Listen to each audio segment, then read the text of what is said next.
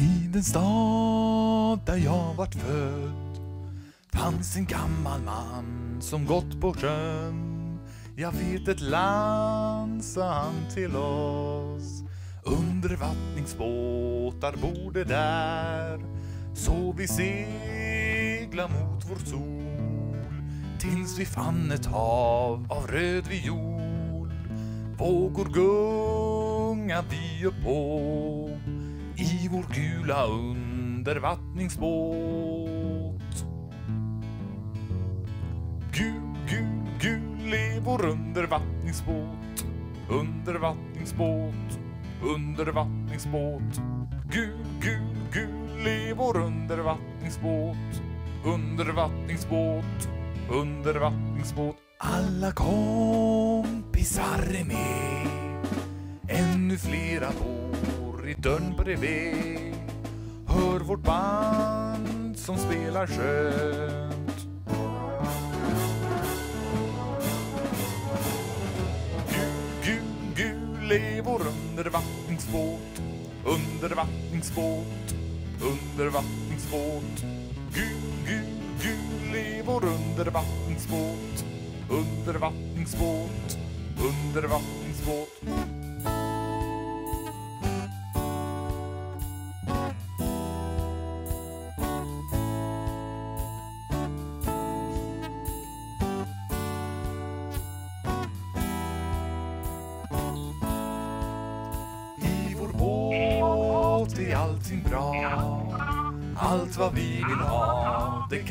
Ta. Himlen blå och gröna hav har vi runt vår undervattningsbåt.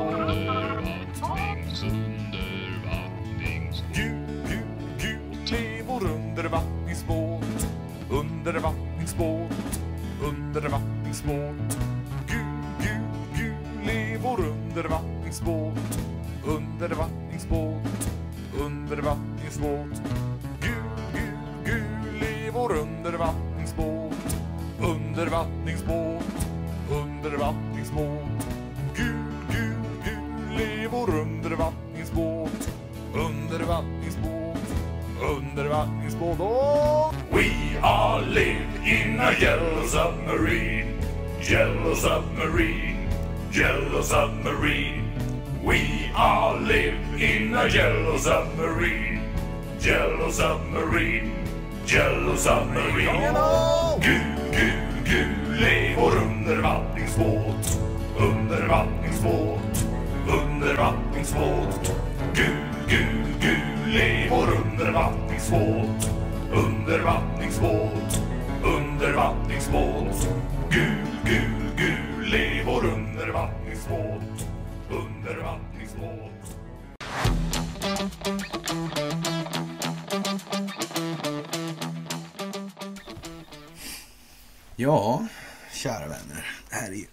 Alldeles fantastiskt. Händelselöst. Ja, vad ska vi säga? Vi kan säga att det är fredag. Det kan vi säga så här dags i veckan, ofta. Mm. Vi kan säga att den här veckan är mer dramatisk än den föregående och eh, nu börjar vi undra lite grann. Hur dramatiskt kan det bli? Det verkar som att liturgi är ett tema. Som finns. Folk måste upp på tå, folk måste ställas på kanten till avgrunden. Helt enkelt. Mm.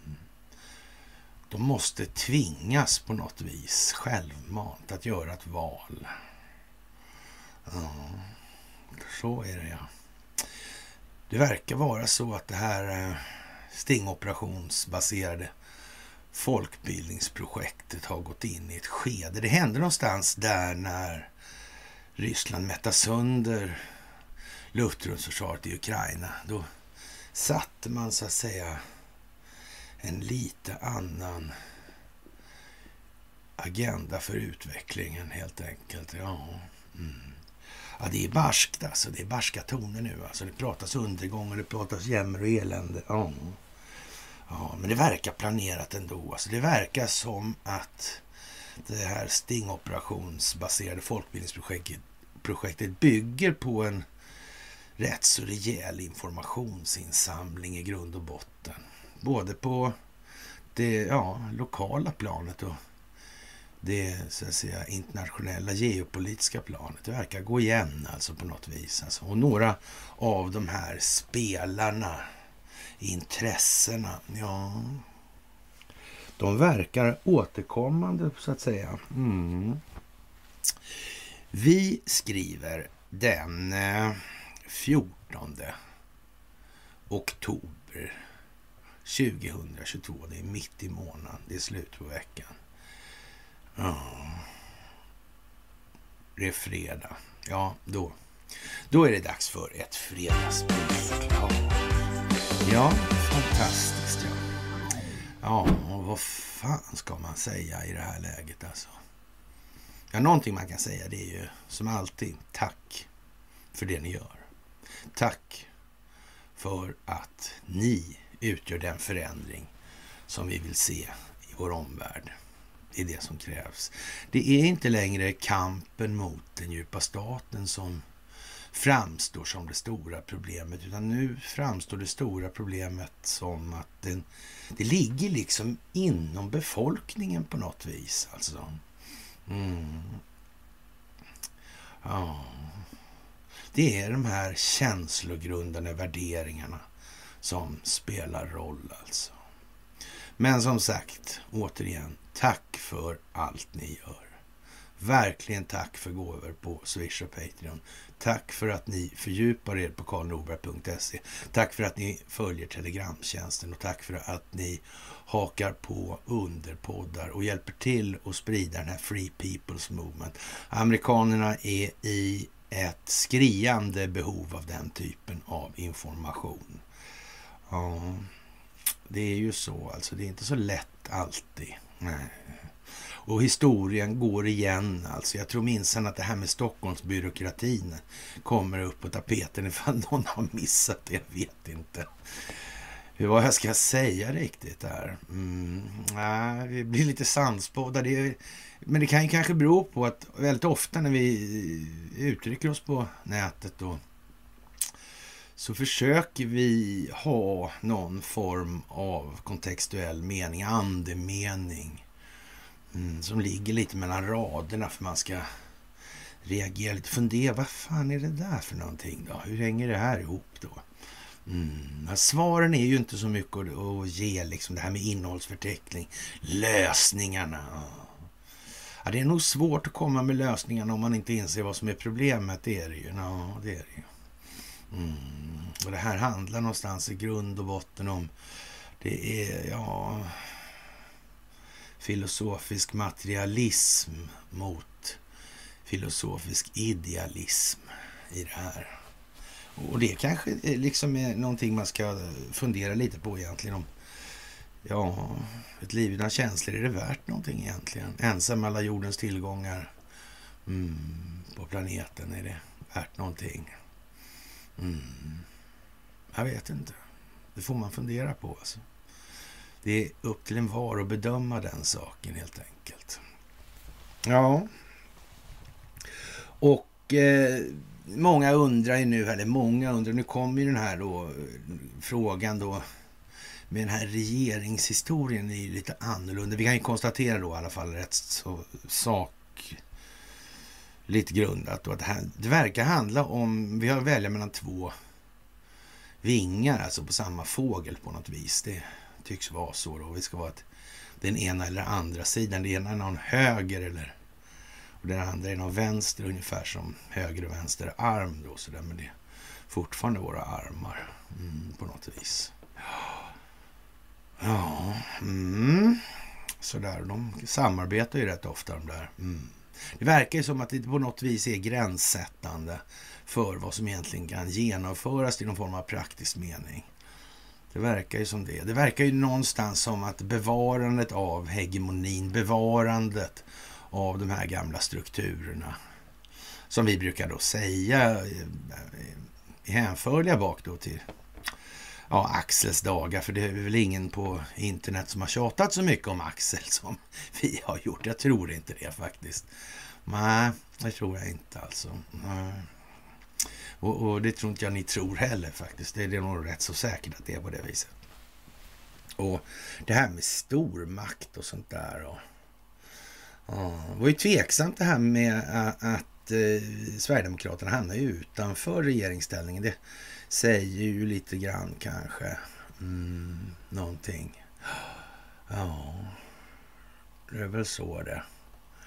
Men eh, hur var det med det här valet egentligen? Var det helt legitimt på alla sätt och vis, tror mm. Om det är så att det här valet ingår i det här folkbildningsprojektet baserat på en amerikansk stingoperation. Finns det en möjlighet då att det här valet har varit påverkat av utländska intressen, ungefär som man från amerikansk sida hävdar då att man har haft då utländska interferenser i det här. Och om det skulle vara så mot allt, allt förmodan naturligtvis, eftersom då skulle, annars skulle någon ha sagt något, så att, att till exempel Sverige har interfererat i amerikansk ja, en amerikansk angelägenhet som till exempel presidentvalet eller så. Mm. Och att den här, äh, ja, så säga, stingoperationen gick igång mer praktiskt operativt i och med det då, alltså 2020 där. Mm.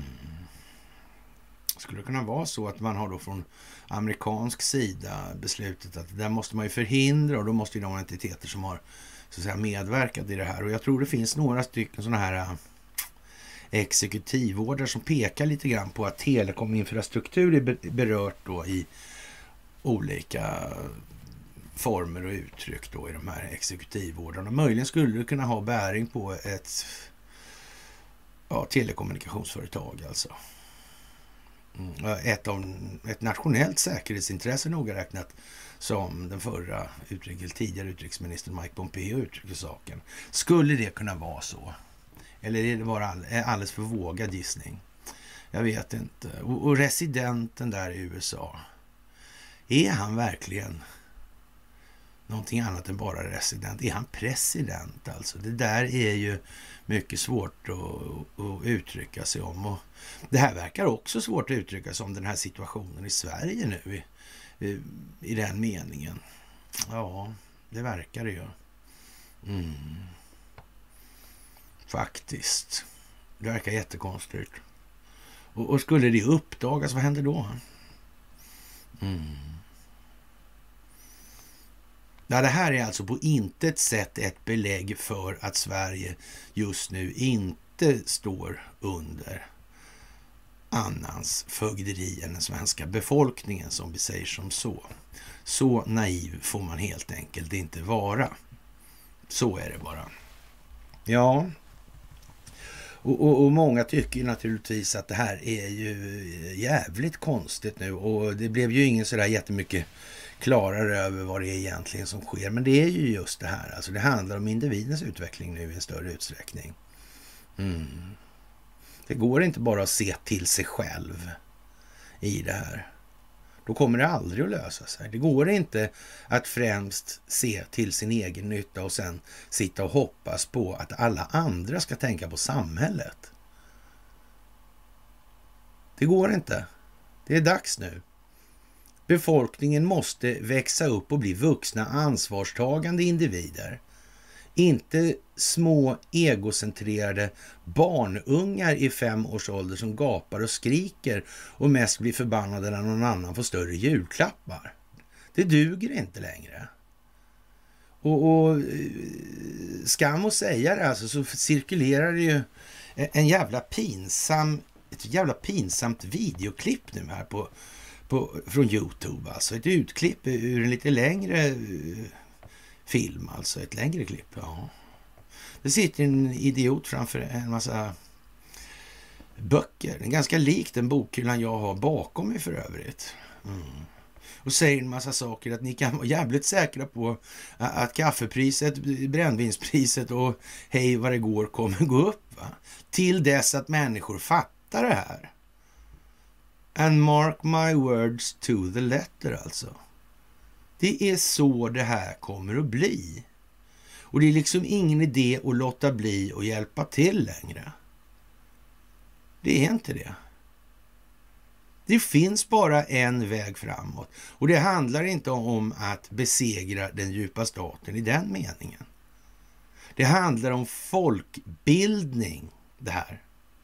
Det handlar om optik. Det handlar om att skapa klarhet, förståelse, insikt i det här. Det är vad det här handlar om. Och eh, ja, eh, och, och, många tycker det här är krångligt då, och, och det är eh, lite sådär, man får ju vara lite snäll ibland och man får väl eh, ja, hålla tand för tunga i det här. Och därför är det viktigt att alla hjälper till. Det kan inte vara bara några få som... Nu är vi inte några få längre, vi är väldigt många, så det är inte det. Men vi måste bli fler och det är en ansvar som ligger på er i det här. Jag kan bara göra så mycket jag gör, garanterat. Jag kan inte göra särskilt mycket mer i den ändan. Nej, det finns inte tid alltså. Och nu blir det så att säga situationen blir mer komplex nu. Alltså det måste, man måste hela tiden höja betraktelsevinkel nu, alltså mera fågelperspektiv, mera fågelperspektiv. Det är mer och mer som vävs in och då blir det svårare att vara nere och precisera på detaljnivå för individer. Det tar för mycket tid. Det är bara så. Och er roll blir alltså allt mer viktig, allt mer accentuerad, allt mer betydelsefull i det här nu. Ni måste dra med er andra som i sin tur kan dra med sig ytterligare fler människor. Upplysning till ledning, till vidare upplysning och ledning. Allting kokar liksom ihop. De här grejerna som har vi suttit och rabblat i hundra år snart. Alltså, de har en betydelse, det finns en bakomliggande tanke, en underliggande tanke redan ifrån start alltså i det här långt bak i tiden. Och sen kan man ju säga att vid vissa bedömningstillfällen har så att säga omdömet inte varit så där riktigt kallt alltså. Det har varit eh, lite för mycket entusiasm i, i betraktandet. Det här går lätt liksom. Ja.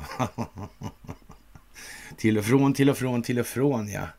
Ja, Ja, hur väcker man då bäst jordens befolkning? Ja, man visar hur det ser ut helt enkelt. Och det är ju vad det är nu det här. Mm.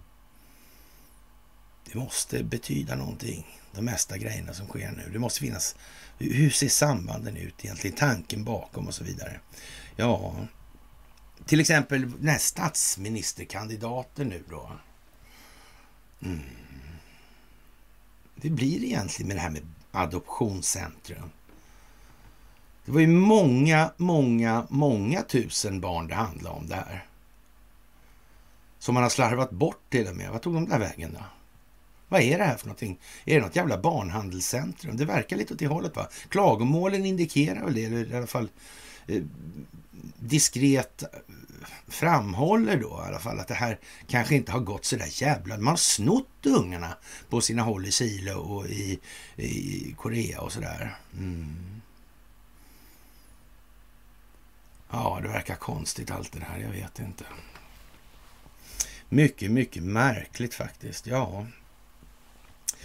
Jaha, och eh, i Ukraina då, det är ju en mycket speciell situation. Hur ser det ut egentligen?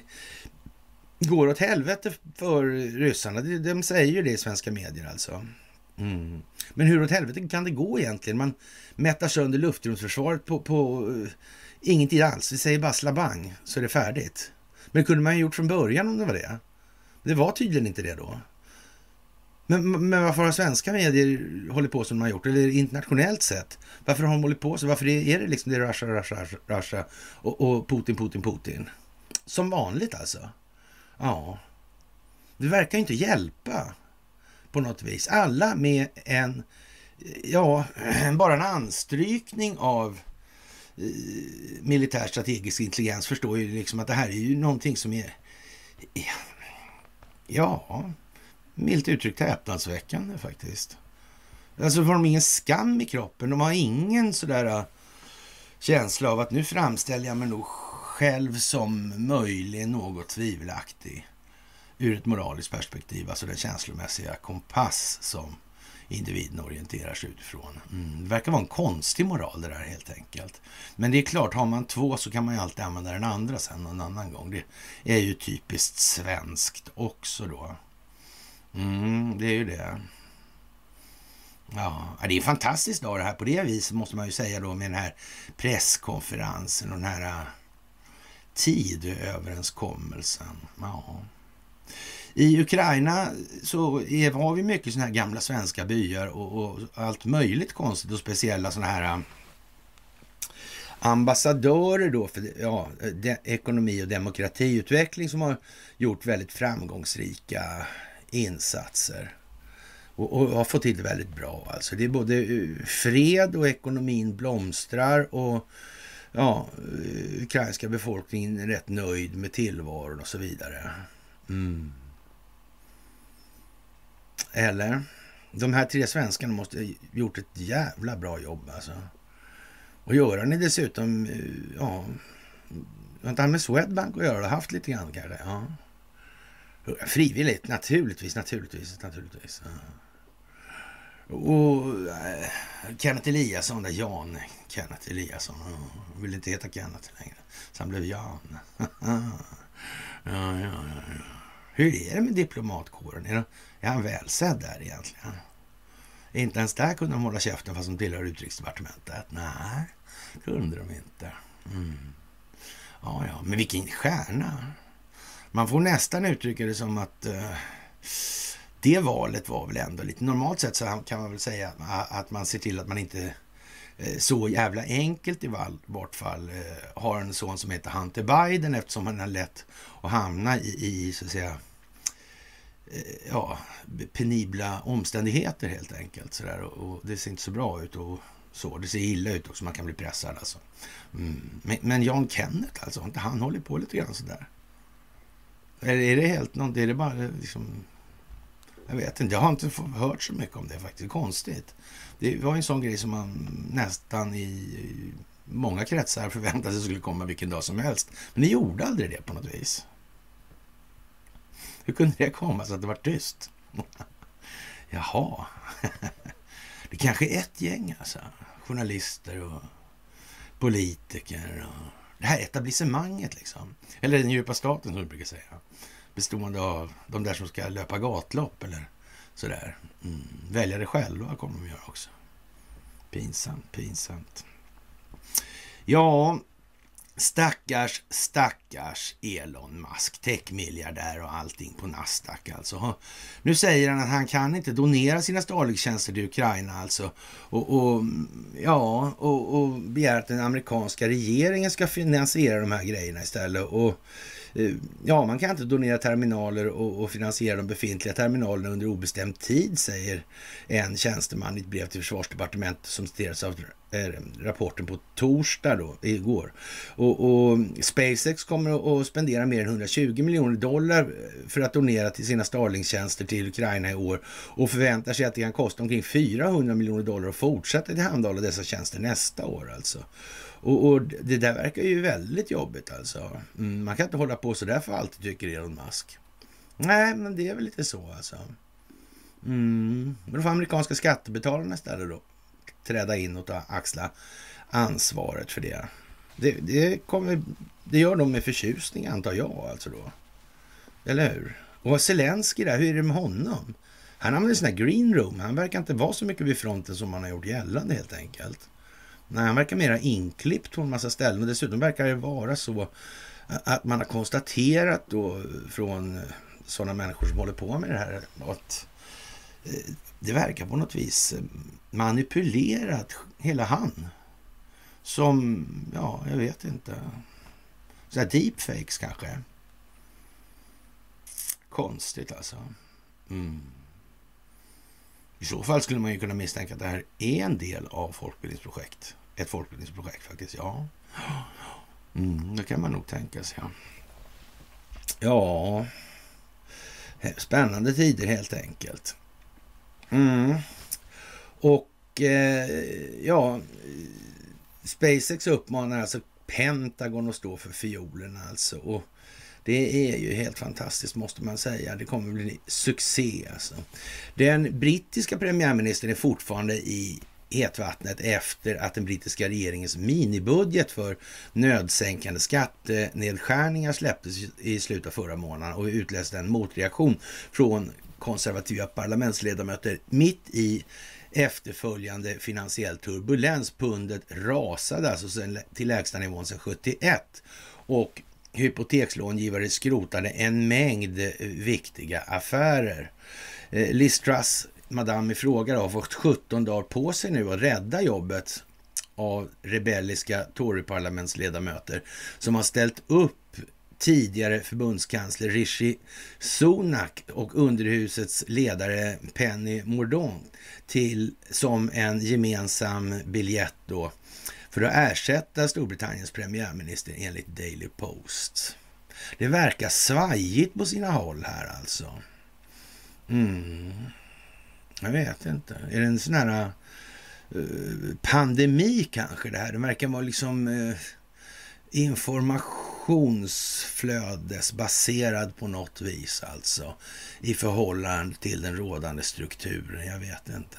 Kan det vara så? Alltså de här informationsflödena har de med telekominfrastruktur. Ja, det tror jag. Det har underrättelsetjänster också att göra indirekt då alltså. Mm. Eller snarare direkt. Mm. Och, och utrikesdepartement och, och eh, underrättelsetjänster faktiskt alltså. Det, det är liksom lite så det sitter liksom ihop då. Mm. Ja, ja, ja, ja, ja, ja. Och utrikespolitik har ibland lite grann att göra med utrikesdepartementet i vart fall. Mm. Ja, det är som det är helt enkelt. Ja, och Eh, det här med Axel är ju tjusigt. Alltså, och Axel var ju en flitig kille där utöver hela Europa där och, implementerade Stockholms byråkrati alltså statsförvaltnings eller statsapparater, alltså förvaltningskonstruktioner över hela stormaktsvärlden, stormaktstiden där alltså. Sen gick det där liksom ner under ytan alltså. På den tiden hade folk ingen som helst uppfattning om utbredningen av den här typen av institutionaliserad korruption. Det fanns ju inte på en karta riktigt. Och, och, eh, vad ska man säga, de rättsliga påföljderna för ifrågasättande på den tiden av myndighetsutövningen, det, det var väl vad det var liksom. Ja, det var det ju. Så det var bättre förr? Nej, det är inte så säkert att det var så mycket bättre förr. Men det kanske är bättre nu när eh, informationsrörligheten på horisontalplanet har blivit en helt annan. Det kanske är bättre. Det tror jag faktiskt i alla fall. Och eh, ja, Ulf Krist, Krisson, eller Kristersson på pressträffen lär ha sagt så här att vi var på Axel Oxenstiernas slott var en ren slump. Vi har inte fått storhetsvansinne. Och, och det kan man ju säga eh, att eh, Eh, Eh, nu jävla fick Peter Eriksson till det här ändå. Alltså, jag ska inte läsa upp hans tråkiga skämt här, för de fick mycket skrattgubbar på det alltså. Och, och jag tycker naturligtvis på Connys lilla fräcka inlägg där att det här med storhetsvansinne, det är ju ingenting som, det har ju Ulf Kristersson alldeles rätt i. Alltså det är ju ingenting som eh, svensken i gemen har fått nu alltså. Nej, nej, men humanitär stormakt är ju mer ett axiom. Liksom. Självklarhet att vi är de mest moraliskt rättskaffens typerna, för det känns bäst liksom. Mm. Det känns inte lika bra att ifrågasätta sig själv, alltså sina egna känslogrundande värderingar. Om det möjligen skulle kunna vara så att det döljer sig långt ner i djupet alltså. Det okända djupet som ingen annan känner till eller kan se naturligtvis. Nej. Vissa svagheter kanske, en liten eventuell brist kanske, men inte ofta. Bara ibland, alltså vid, vid vissa givna tillfällen kanske möjligen. Om man skulle kunna tjäna en spänn eller två. Till exempel. Ja, och, och, som sagt, det här storhetsvansinnet är ju hur gammalt som helst. Så är det, det är ju ingenting nytt alltså. Vi har ju hållit på alltså och följaktligen fått höra då att vi är bäst bildade, eller ja, vi, är bildade, vi är charmiga, vi är allting som är bra och ingenting som är dåligt. Och, och, för då skulle ju naturligtvis, om det var någonting som var dåligt, skulle ju folk kanske möjligen kunna få för sig att vad gör vi inte någonting åt det för om det är så dåligt då? Det, det kan man ju fråga sig. Ja, men vi ser ju att utbildningsresultaten i skolsystemet blir sämre hela tiden. Ja, det gör vi ju. Och vad gör vi åt det då? Vi gör så det blir ännu sämre. Varför går vi inte ens tillbaka till det gamla för då? När det var bättre? Varför har ingen kommit på den idén? Det är ju konstigt. Den här skol, de här skolreformerna egentligen. Hur fan är det där? Under 70-talet, var inte han språkvårdsdåren där? Professorn i riktig svenska, och som gjorde kanslisvenska också ska vi säga, också för, för att vanliga människor inte skulle förstå vad de sa på byråkraterna. Alltså, eh, Stockholmsbyråkratins kanslisvenska mm, gjorde han en särskild upplaga för. Ja, just det, professor Erik Wilander. Precis, ja. Som är statsrådet Bagge Holmberg införde den tyska skolan i Stockholm 1944 med fyrered också. Så där alltså, de vill inte släppa riktigt. Nej, 44. Det är ju konstigt. Man tar ett sånt där ord som eh, empati. Nu får eh, ja, kärleks och eh, energientusiasternas spader alltså. Mm. Men så här är det va. Det är inte så mycket att snacka om heller. Det är mer sakligt. Sådär, så man behöver inte bli så sur på mig för jag säger det. Eh, diskussioner uppstod i morse i en chatt där och, och någon som eh, kände sig ytterligt förvirrad i det här, kände sig liksom ett starkt behov av det här och, och slå lite på ord och såna här grejer. Mm, och det här med skolväsendet och Welanders roll och såna här grejer. Och tar man ett sånt där begrepp som empati till exempel, så om man tar 1960 års upplaga av uppslagsverket, ett uppslagsverk sådär, då finns inte ordet empati med. Men tar man 1970 då, tio år senare, då finns det med. Och då undrar ju vän av ordning där mellan 60 och 70 när någon gjorde den upptäckten då av den här empatikänslan alltså. Mm. Tidigare fanns det, det måste ju egentligen måste, det var, måste ju vara värt Nobels fredspris, åtminstone alltså. Alltså en sån banbrytande upptäckt som förekomsten av ett sånt känslotillstånd, alltså eller förmåga till känslotillstånd eller vad man ska kalla det för. Mm. Det måste ju vara värt ett fredspris åtminstone. Det är, som en, ja, det är verkligen en vattendelare i så fall ju. Mm. För att kunna hantera olika frågor och sådär. Ja. Eller, eller så är det där någonting annat. Medkänsla duger inte som förklaring. Nej, nej. Och att uppleva någon annans upplevda känslor, det vet inte jag. Man kan sälja kanske begagnat på någon marknad sådär. Så jag vet inte så säker om det går, men mm, lite så va. Lite äh, eljest då. Nå, ja men sådär. Ja, Jaha, jag ska ta Peter Erikssons jävla eh, historia. Och det är ju faktiskt, det är lite välfunnet ändå. Alltså för Conny han tycker att märkligt vad Axel dyker upp i tid och otid för tiden. Och, och, och Eriksson har helt enkelt det, det kortfattade begreppet alltså. Och, och den stämmer ju faktiskt ur en rad olika perspektiv då. Till exempel hur man utgår från telekominfrastruktur, vem som har tillsatt vilka eh, ja, diktatorer och sådär. Vi ska inte glömma då att eh, ja, Hirohito-familjen och sina Serafimerordnar. Vi ska inte glömma Benito Mussolini som tillsatte Volpi di Monserrata och vem som hade hand om telekominfrastrukturen i Italien till exempel. Och, och det passar ju bra va, så man i Ericsson-sammanhang, då, för han heter ju Ericsson också, så han har ju muskler nog att säga det då. Då kan man väl säga så här att, ehm, alltså nominella muskler alltså. Man skulle kunna säga att Sverige är den ursprungliga axelmakten och det är ju faktiskt så alltså ur en rad olika perspektiv så är det ju faktiskt den dolda, ja, urs, men ursprungliga axelmakten. Verka utan att synas. Det är ju Sverige. Mm. Eller Och den här andra Eriksson, då, Vasan där som gick omkull. Ja. Men där kommer vi tillbaka till alltså. Det har att göra med Skeppsholmen. Det har att göra med Tidö slott. Det här Tidöslott som de gjorde den här överenskommelsen på nu. Som de inte hade fått eh, ja, storhetsvansinne av att göra då. Eh, de har inte hållit storhetsvansinne. Nej. Nej. Ja, vi får se. Vi kommer tillbaka till det alldeles strax. Det är lite komiskt. här. Man kan säga att det sitter ihop väldigt mycket. Och som sagt, folkbildningen går vidare och människor måste nu väckas till vilket pris som helst. Alltså, det här är viktigt. Det här, man måste, som jag sa förra gången, alltså, man måste börja förstå sig att det går inte nu att tjattra om covid. Alltså, när, eh, så att säga, den stora diskussionen geopolitiskt sett handlar om världskrig eller inte. Det handlar om MAD-doktrinen, alltså Mutual Assured Destruction. Det handlar om innebörden av kärnvapen. Den verkliga innebörden av kärnvapen och så vidare. Mm.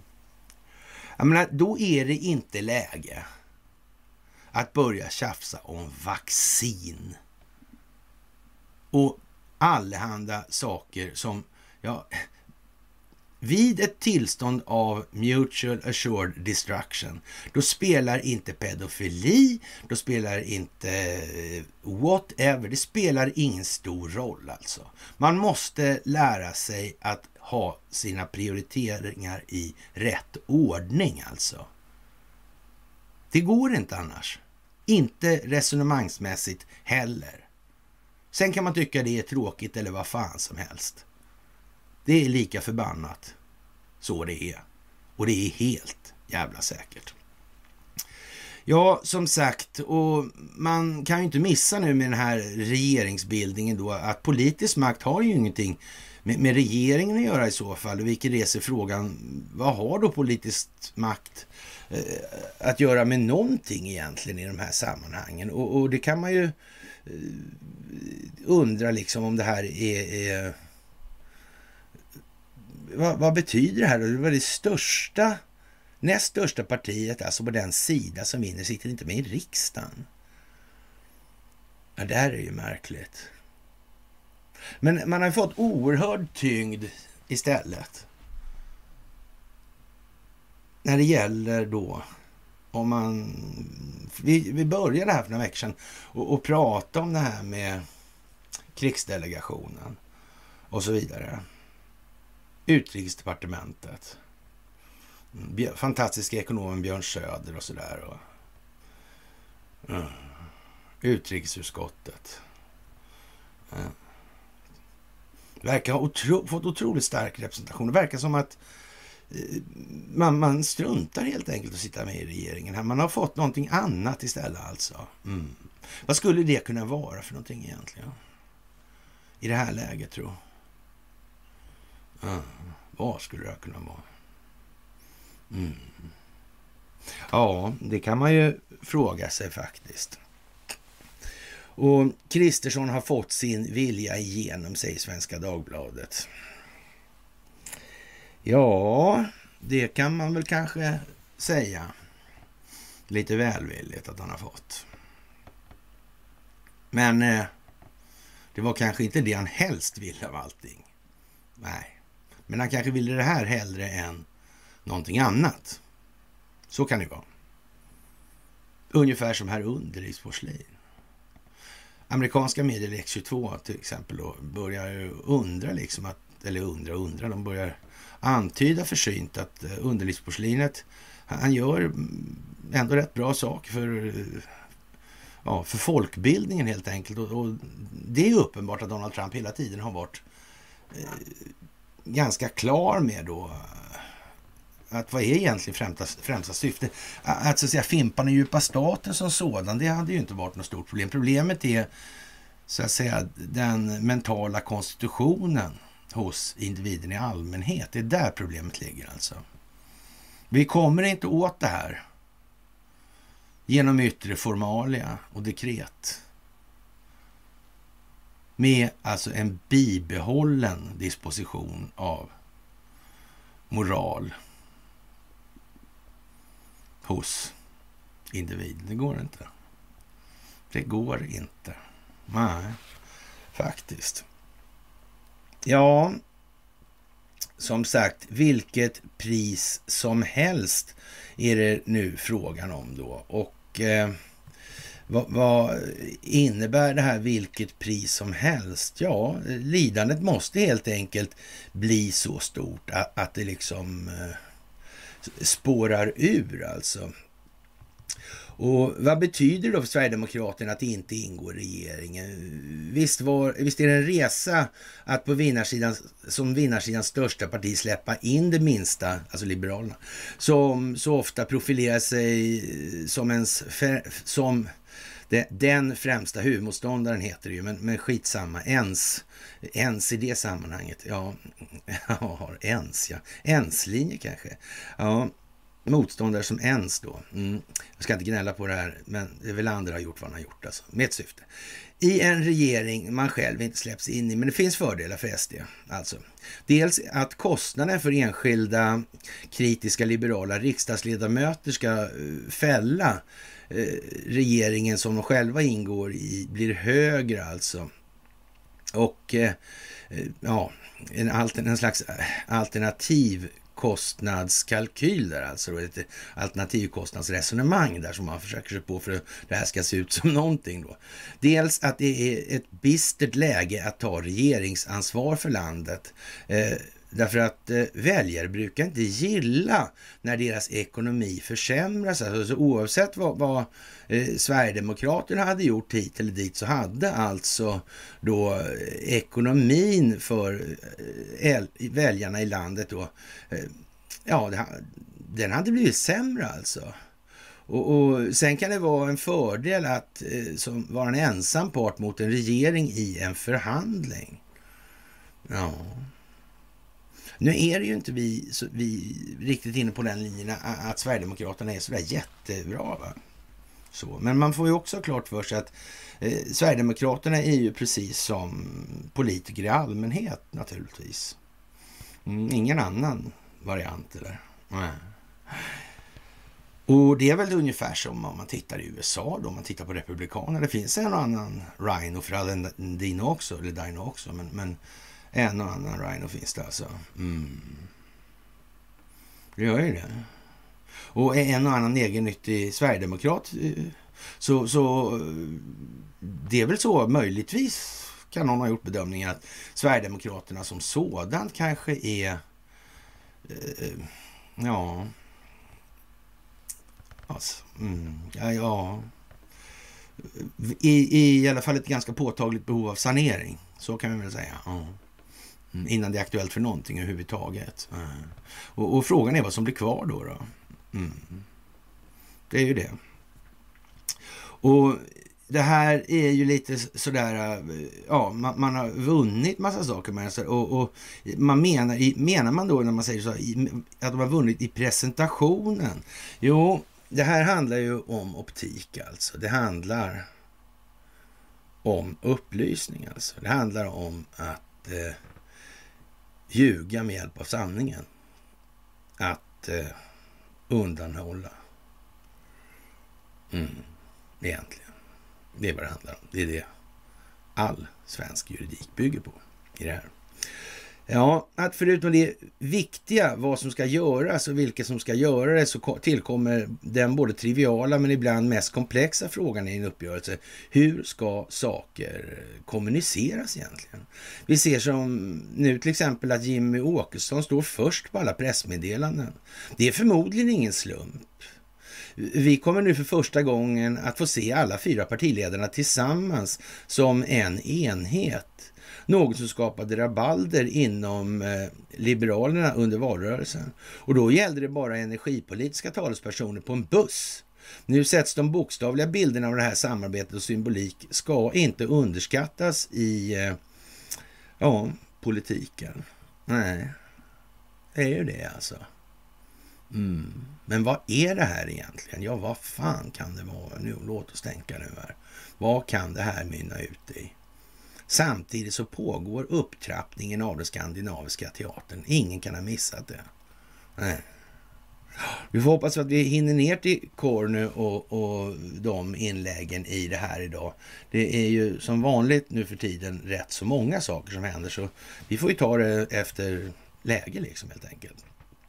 Ja, och eh, ja, Belarus, eller Vitryssland då, som vi säger då, är, har höjt beredskapen då och eh, ja, gränsöverskridande hot eh, utlöste den här beredskapshöjningen då med kontraterroristoperationer i Vitryssland, hävdar landets utrikesminister. Och eh, de har satts alltså i hö högsta beredskap för att snabbt kunna reagera på och begränsa alla hot från grannstater, sa utrikesminister Vladimir Makej i en intervju med den ryska tidningen Izvestia på fredagen idag. Alltså, huvudchefen för vårt land höll en serie möten med brottsbekämpande myndigheter och eh, en myndighet då för bekämpning av terrorism eh, infördes i det här då.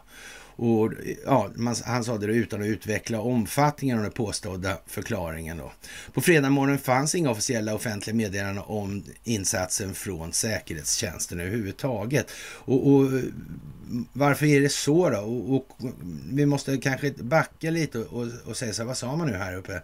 Eh, Eh, ja, en organisation eller en insats kontra terrorism, kontraspionaget alltså. Det är de här, ja, ja, ja, det är de som kollar mullvadarna inom, sådär va.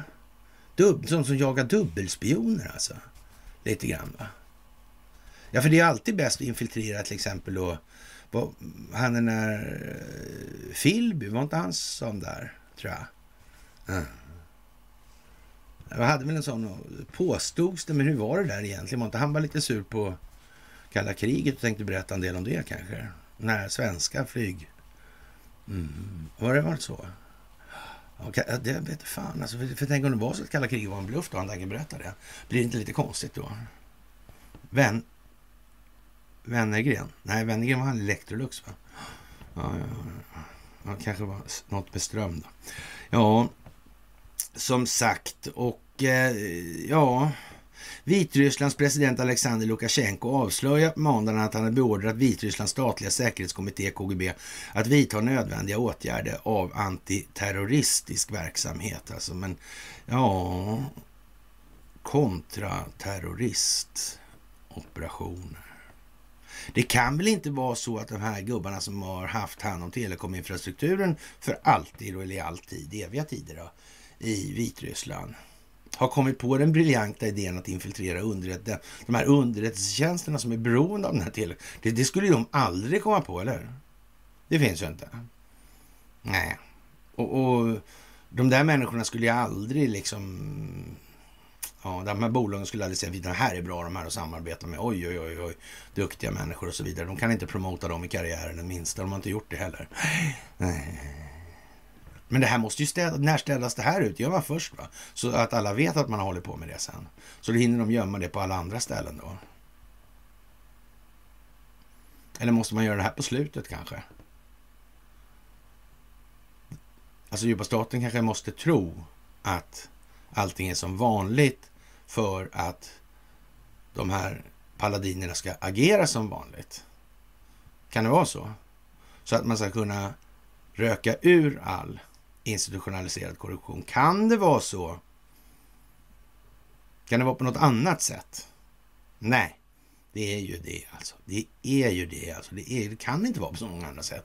Det blir liksom lite speciellt helt enkelt. Och ja, det, det, fanns information om att vissa grannländer då eh, planerade provokationer så långt som involverade beslagtagandet av vissa områden av det vitryska territoriet, förklarade Mackey också och tillade när ingen sån signal bör lämnas utan ett adekvat svar och, och därmed landets säkerhetsstyrkor Eh, Eh, är numera redo alltså att agera på alla hot som kan uppstå från grannländerna. Och det får man ju väl säga ligger väl lite i sakens natur. Därför att det blev som sagt en rätt så kraftig vattendelare eller tempoväxling eller vägdelare vad man kallar det för. Alltså i och med det här eh, insatsen att mätta sönder luftrumsförsvaret. Det är ju liksom alla initierade människor förstår liksom att jaha, har man eh, övertaget eller dominans där, ja då är det ju vad det är liksom. Det kan ju inte de göra ett skit åt och ingen annan heller. Nu är det bara som det är. Och, och jag framhåller återigen det här. Jag tycker att den här Douglas McGregor, han växer ordentligt faktiskt med tiden. Det gör han. Och, och, det har väl naturligtvis sin grund i att han har så att säga varit tvungen att ägna sig åt en tempoanpassning som passar utvecklingsförloppen. Inte bara sitta och spy ur sig allt han vet liksom. Även om man har säkert en väldigt stor lust att göra det mellan men det blir lite dåligt. Det måste se, ske så att säga samfällt med övriga informationsflöden för att man ska uppnå de här koordinerade effekterna som man eftersträvar. Synergieffekterna alltså. Mm. Det här är bara samma sak om och om igen. Och det är bara genom att resonera på det här viset man kan komma framåt. Om man inte är en jättestor dator. Men det lämnar vi därhen just nu. Hur som helst, Zelensky han avvisar naturligtvis anklagelserna, anklagelserna och hävdar i sin tur att varningarna faktiskt är en täckmantel för en eventuell offensiv från Minsk och uppmanade G7-länderna på tisdagen att skicka internationella observatörer till hans, nya, till hans gräns mot Vitryssland. Och, och ja, vi får väl säga grattis och lycka till eller något sånt där, jag vet inte. Det, det är i alla fall lite speciellt. Och som sagt, den här Douglas McGregor, han är bra, föredömlig typ alltså. Just nu verkar han ha fastnat lite grann på det här med militär moral alltså. Mm. Det här med politiserad militär. Nej. Ja, ja, ja, ja, ja. Mm. Det där är speciellt nu alltså. Undrar om det kommer dit här att svenska militären kommer eh, att så att säga eh, vägas på våg och bli funnen för lätt. Eller mene, mene tekelu farsen på latin som farmor sa om eh, min förståelse. När hon bedömde den då. Och eh, ofta när jag var väldigt liten, så det kanske inte gjort så mycket. Det var nog bra. Sådär. Men svensk militär kanske inte ska eh, ha en moral som det här med legoknekteriet och, och ja, nu passar inte lönen, då säger vi upp oss. Men eh, vi har ju kostat på er så här mycket utbildning liksom och, och så vidare. Så vi, era flygplan kostar jättemycket, nu kan ingen flyga dem och, och ja, men vi vill ha mer pröjs liksom. Har det svårt att fatta eller? Säger man. Ja, men ja, ni förstår ju själva liksom. Om anledningen att man ska gå i krig i lönen då kan man säga så här, då verkar att om, man verkar ligga på den nivån alltså att man ska kanske gå på en undersökning istället om det här med omdömet och sådär. Det kanske ligger närmare till hans egentligen då. Borde göra i alla fall tycker jag. Det är faktiskt så. Ja, lite speciellt faktiskt. Och han är väldigt saklig, McGregor i den meningen. Och det här hörs ju röster så här, make Sweden great again. Och jag är inte så där säker på att det är någon bra grej. Alltså. När var det här eh, den svenska storhetstiden? Då har vi ju återigen, förutom att vi har ju lärt oss att vi är en humanitär stormakt, så vet ju vi på något mystiskt vis liksom att det här var alltid bättre förr. Liksom. Vi har, något oklart egentligen är det möjligtvis tidsrymden för det här bättret. Då, när var det egentligen exakt? Vilket var det bästa bättret då? Allt kan ju inte bara ha varit bättre för. Något kanske var bättre för. men i stora drag var det bättre för säger man ju. Ja, gräset var grönare, och vågorna vore högre och män vore män alltså. Mm, sådär. Ja. De var inte lika snara på att krypa ihop i fosterställning under bordet och suga på tummen riktigt. Uh, sas det i alla fall, men det vet man ju inte. Vi hamnar där vi hamnar, så innerst inne vet jag inte om det har blivit så mycket annorlunda. Jag menar, sett till att Axel håller på som han har gjort, så måste man nästan misstänka att det, vi har ju aldrig varit någonting att hänga julgran. Jag har ju bara varit eh, ja, rännskita och fänad liksom. Ja, vadå? Det, det är ynkedom. Inkarnerad. Annars hade vi inte kunnat hamna här. Det finns ju inte en plan liksom. Det måste ju vara en ovanligt följsam befolkning. Och, och, då ska man väl säga, nu ska jag inte försvara Norrland, för det, det, ska man inte göra i det här läget. För de har sitt att ta tag i så behöver inget beröm för det. Alltså, för då slutar de göra det lilla, om det är det de nu gör. Men, men, men samtidigt är det väl så här då att... Eh, ja, hur är det med resten av Sverige då? Ja, man, kort sagt är det ju svenskt.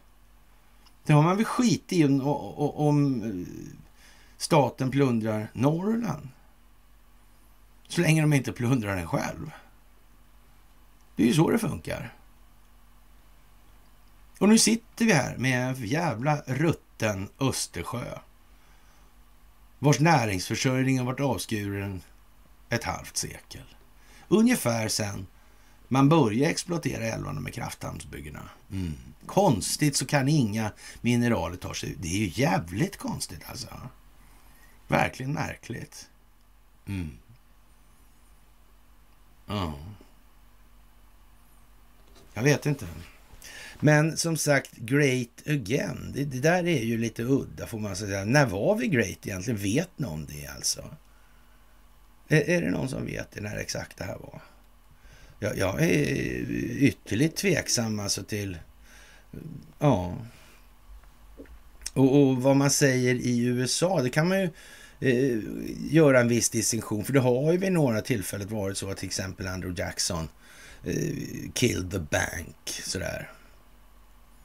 Man kan väl inte riktigt säga att, att samma förhållande gäller för Sverige.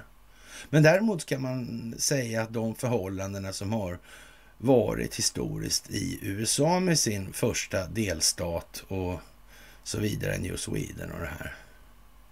Eh, har haft ganska påtagliga influenser ifrån Sverige eller det gamla landet då för deras del. Mm. Det är ju speciellt alltså.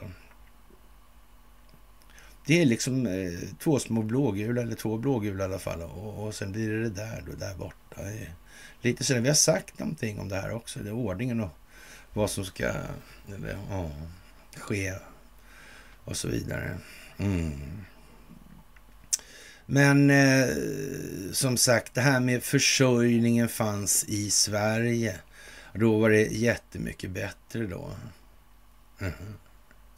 Det var inte så att eh, då fanns det fortfarande så mycket resurser, eller resursknappheten var inte så utbredd att man i alla fall med någon form av politisk trovärdighet kunde vidmakthålla systemet. Men sen när man började exportera jobben och, och allting där, man, massa bruksorterna försvann och så vidare och så vidare och så vidare. Mm. Jag vet inte. Var det bättre då verkligen? Eller var bara befolkningen ännu dummare? Kan det vara så?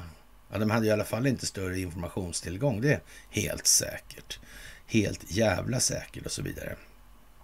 Ja, det är som sagt, det är svårt det där med orden faktiskt. Och ja, det här med fornstora dagar, det är ju vad det är alltså.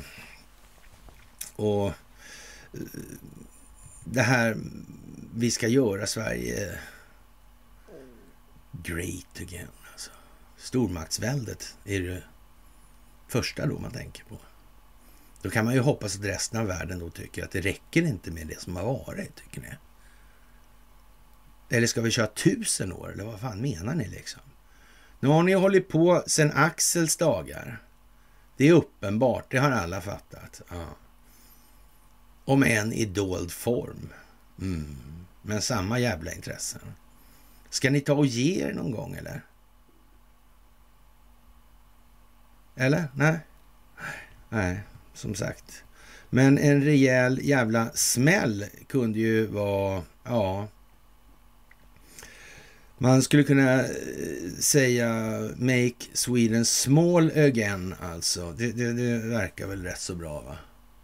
Och, och, med det är inte sagt att det var så där skitabra på eh, Gustav Vasas dagar. Nej. Nej. Frågan är vad den var för någonting. Och den den sjönk jävligt konstigt den där också. Mm. Faktiskt. Det här var väl lite speciellt alltså. Mm. Jaha. Och ja, det här avtalet gjordes alltså på Tidö slott. Och det får man väl säga är, är rätt så speciellt i dagens läge alltså. Det, det, det måste jag säga att jag tycker i alla fall. Och det här med, med Tidö slott och vad ska man säga egentligen? Det, det, det är ju jättelattjo alltså. Mm. Hade inte de någon leksakssamling där förut? Jo. Vad är den någonstans då? Jag vet inte det. Eller jag vet, jag visste förresten. Den är på Skeppsholmen va? Det är en massa tunnlar där under tror jag. Det var CM satt han på tror jag. Marinchefen. Mm. Gick de där tunnlarna, det var väl som, jag vet inte. Jag satt med någon som jobbar på Riksåklagarämbetet och diskuterade det där med någon initierad. Ja. Eh, som hävdade då med viss emfas att från det där huset fanns det inga tunnlar så vitt det var känt. Liksom. Ja, men... Ja, sådär kanske då att du... Men du har ju faktiskt erkänt det liksom sådär. Ja, nej, nej, nej, nej. Men, men, men CM hade ju sitt där. Det, det hade han ju sådär. Så, ja. Och, och riksåklagarämbetet reagerade ganska distinkt där och, och, och, säger någonting i stil med att ja, men du, på en sån där anläggning har man väl fler ingångar än en va? Det måste man väl ha ändå. Här kan man säga att man helt säkert har faktiskt. Man kan säga att det går tunnlar därifrån. Alltså, så. Mm. Helt säkert är det så. Mm. Ja, vad sa vi nu den här Kearsarge? Jaha. Inget sånt? Det är inte långt däremellan kan jag säga. Det är inte många hundra meter om vi uttrycker det som så. Då. Nej, nej. nej, nej. Ja, ja, det är ju lite speciellt kanske. Ja, det är det tycker jag. Men nu har man alltså leksaksmuseum i den här då. då. Ja, det här låg tidigare alltså på det här Tidöslottet. Det tycker jag är lite gulligt faktiskt. Ja, man, man, får ju nästan liksom, eh, ja, någon känsla av att det kan ju vara någon som har tänkt till här då. då. Eller? Jag säger inte att det är det naturligtvis, men eh, ja. Det, det, det är ju... Mm, det, det, blir ju lite tydligt i alla fall. Alltså. Det får, får man ju säga. Och eh, Det är ju tråkigt liksom att inte alla uppskattar den här typen av humor. Jag tycker det är jätteroligt just nu. Alltså. Det måste jag nog säga. Och eh, ja, ett Tidöavtal i tiden. Anno nådens år 2022 naturligtvis. Och ja, det är väl eh, på något vis eh, Stockholms leksaksmuseum, ja. Kan det här hänga ihop liksom någonting på något vis? Alltihopa? Kan det här vara riggat? Kan det vara planerat? Sen, när, när flyttar de dit förresten? Det är jag inte så säker på. Mm. Ja. Ja, ja, ja, ja, ja. Det, det kan ju vara så. Mm. Skeppsholmens bergrum vid Svensksundsvägen 5 alltså. Mm. Därifrån kunde man, man, man jättesmart att gömma sig där på en ö sådär, alltså. mm. utan några utgångar. ja, ja, ja, ja, ja, så kan det ju vara. Så kan det vara. Och ja, det här bergrummet då sprängdes liksom i början på 40-talet för att ge plats åt marinchefen och hans stab under krigstid. Och det består av åtta tunnlar som är hoplänkade med tvärskepp och diverse gångar hit och dit och sådär. Så det är naturligtvis en antal sådana här saker som inte är, ja, de är fortfarande hemliga helt enkelt. Och det är en totalyta på 4800 kvadratmeter och på 90-talet revs all inredning. Och, och, ja, då var det väl så då. Och bergrummet gjordes, det här kan ju ha haft med det kalla kriget att göra, alltså jag vet inte. Så eh, ungefär då i början på 90-talet så rasade ju halva delen av kalla kriget i alla fall. Mm, bergrummet gjordes i början av år 2010 i ordning som utställningslokal för spegel specialutställningar, bland annat för Östasiatiska museet och Världskulturmuseet. Och det här ägs av Statens fastighetsverk alltså. Och det här, det här låg alltså på Tidö slott utanför Västerås förut. Och eh, det är väl lite sådär halvtjusigt ändå får man väl säga. Att det vävs ihop på det här viset. Mm. Va, valde de det där och, och han slänger ut sig det här med vi har inte fått storhetsvansinne? Kan det vara så? Jag vet, jag vet inte faktiskt. Jag tycker att det verkar lite konstigt att det bara blir så här. Mm. Kanske svensken borde tänka lite på det här alltså. Det, det, jag tycker att det kan, det kan vara bra alltså i det här läget. Och eh, naturligtvis, eh, det här kommer ju att sitta ihop ännu mer tydligt i vad som kommer. Det kan vara helt... Eh, ja, har vi nu färdigtrott på slumpen? Ja, det är ju... Mm. Vi var på Axel Oxenstiernas slott. Det var en ren slump. Vi har inte fått storhetsvansinne. Ja, varför skulle han säga så för egentligen? Vi har inte fått storhetsvansinne. Ja. Det där är ju lite tjusigt ändå. Mm. Som sagt, hur kom Magdalena ut till båten? Kan det finnas gångar under? Mm.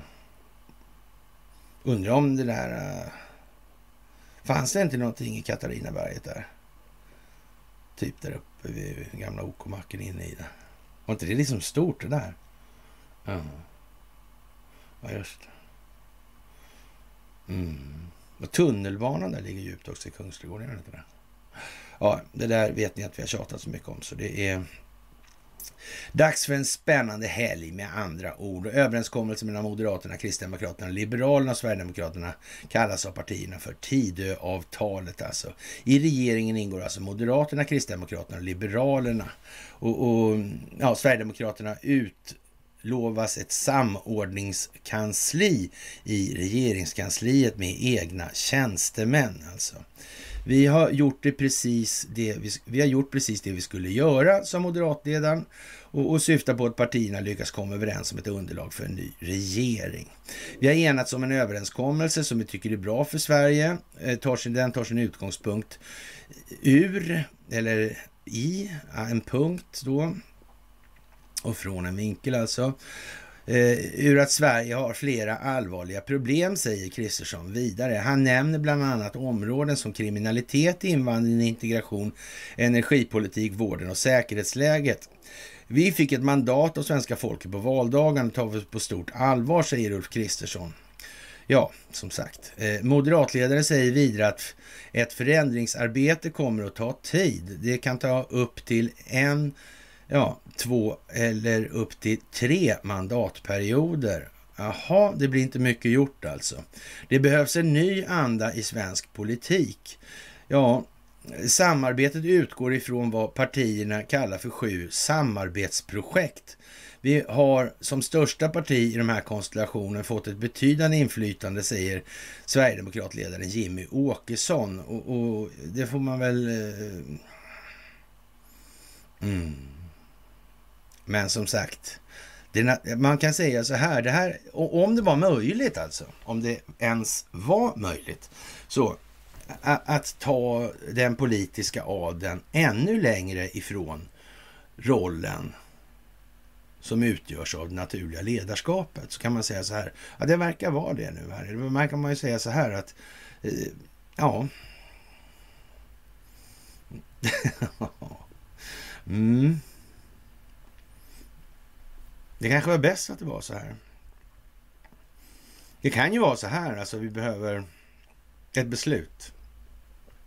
Och sen behöver vi ett nyval. Och sen behöver vi ett likadant beslut. Det kan ju vara så att det är mycket sånt som måste göras också nu i det här. Man vet ju inte.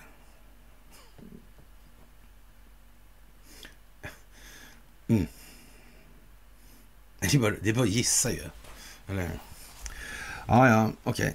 Vi, vi, ja, vi får se hur det blir helt enkelt. Ja, det, ja, det kan ju gå lite snabbare också på, ja, sådär. Mm det beror lite på den internationella situationen skulle man kunna säga. Då inte minst i USA skulle jag vilja säga. Jaha.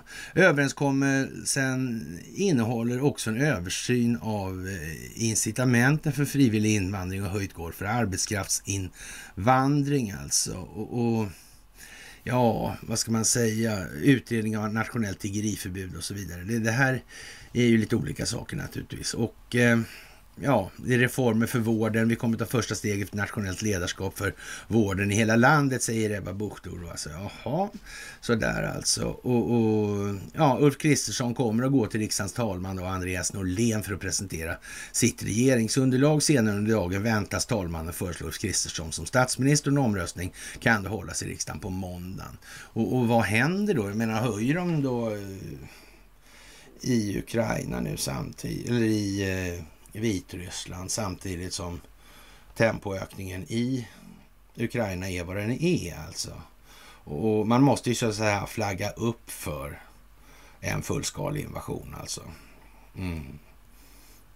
Och, och, det är inte så att någon springer dit och etablerar, nu är det ju liksom Saker som rullar där nu ligger dåligt till. De kan inte göra någonting. Alltså det är en telekrigsmiljö som inte liknar någon annan som har varit i människans historia. Eller så här, i människans kända historia kanske vi ska lägga till. Mm. Det här är så slut. Alltså kriget mot den djupa staten är slut. Det här handlar om folkbildning. Det här handlar om att sy ihop opinionen på en massa olika platser. Koordinerat för att motverka den entitet som verkar överallt här. Som i sin tur i grunden är konstruerad i sin institutionella form av käre Axel. Grunden till axelmakterna. Sådär. Ja, det är ju nästan som en lite sådär eh, poesiafton det här idag tycker jag. Ja, och vi är alltså inte under belägring om jag förstår, jag, om jag förstår det hela rätt. Och, och det blev ingen krigsdelegation. Svaret på det är alltså eh, fel. Alltså. Sådär. Det, det är, eh, vet vi inte sådär. Som sagt, Bidens situationen ser ut som den gör alltså. Och, och man får väl tänka till här nu helt enkelt. Ja, eh, som sagt, det är viktigt nu alltså att tänka efter och inte rusa bara sådär med de här enkla varianterna. Alltså. Nu måste man ha lite abstraktionsförmåga, alltså, eller förmåga att tänka i abstrakta termer alltså. Och, och det, i dagligt tal kallas det för fantasi alltså. Man måste fundera på om man verkligen har verkligen tänkt på alla möjligheter. Det finns inga möjligheter eh, i det här. Alltså, kan, vad kan det där vara? Känner jag igen någonting? Finns det någonting jag kan referera till i de här sammanhangen? Mm. Om det kanske är tvärtom möjligen då, så ska man, kan, finns det, vet jag någonting som skulle kunna styrka att det kan vara tvärtom? Till exempel, man måste ifrågasätta sig själv hela tiden. Slutar man med det, då står man där man står. Då kommer man ju ingen längre i utvecklingen. Det är jävlar mig viktigt att komma ihåg det här alltså. Ja, som sagt, det är fantastiskt. Kriget mot den djupa staten är i princip över och det fortsätter nu med individerna i sin självbetraktelse. Där står vi idag. Ja. Och ja, som sagt det här är ju liksom... Ja, den här självbetraktelseutvecklingen den kommer ju pågå för alltid. Så är det ju.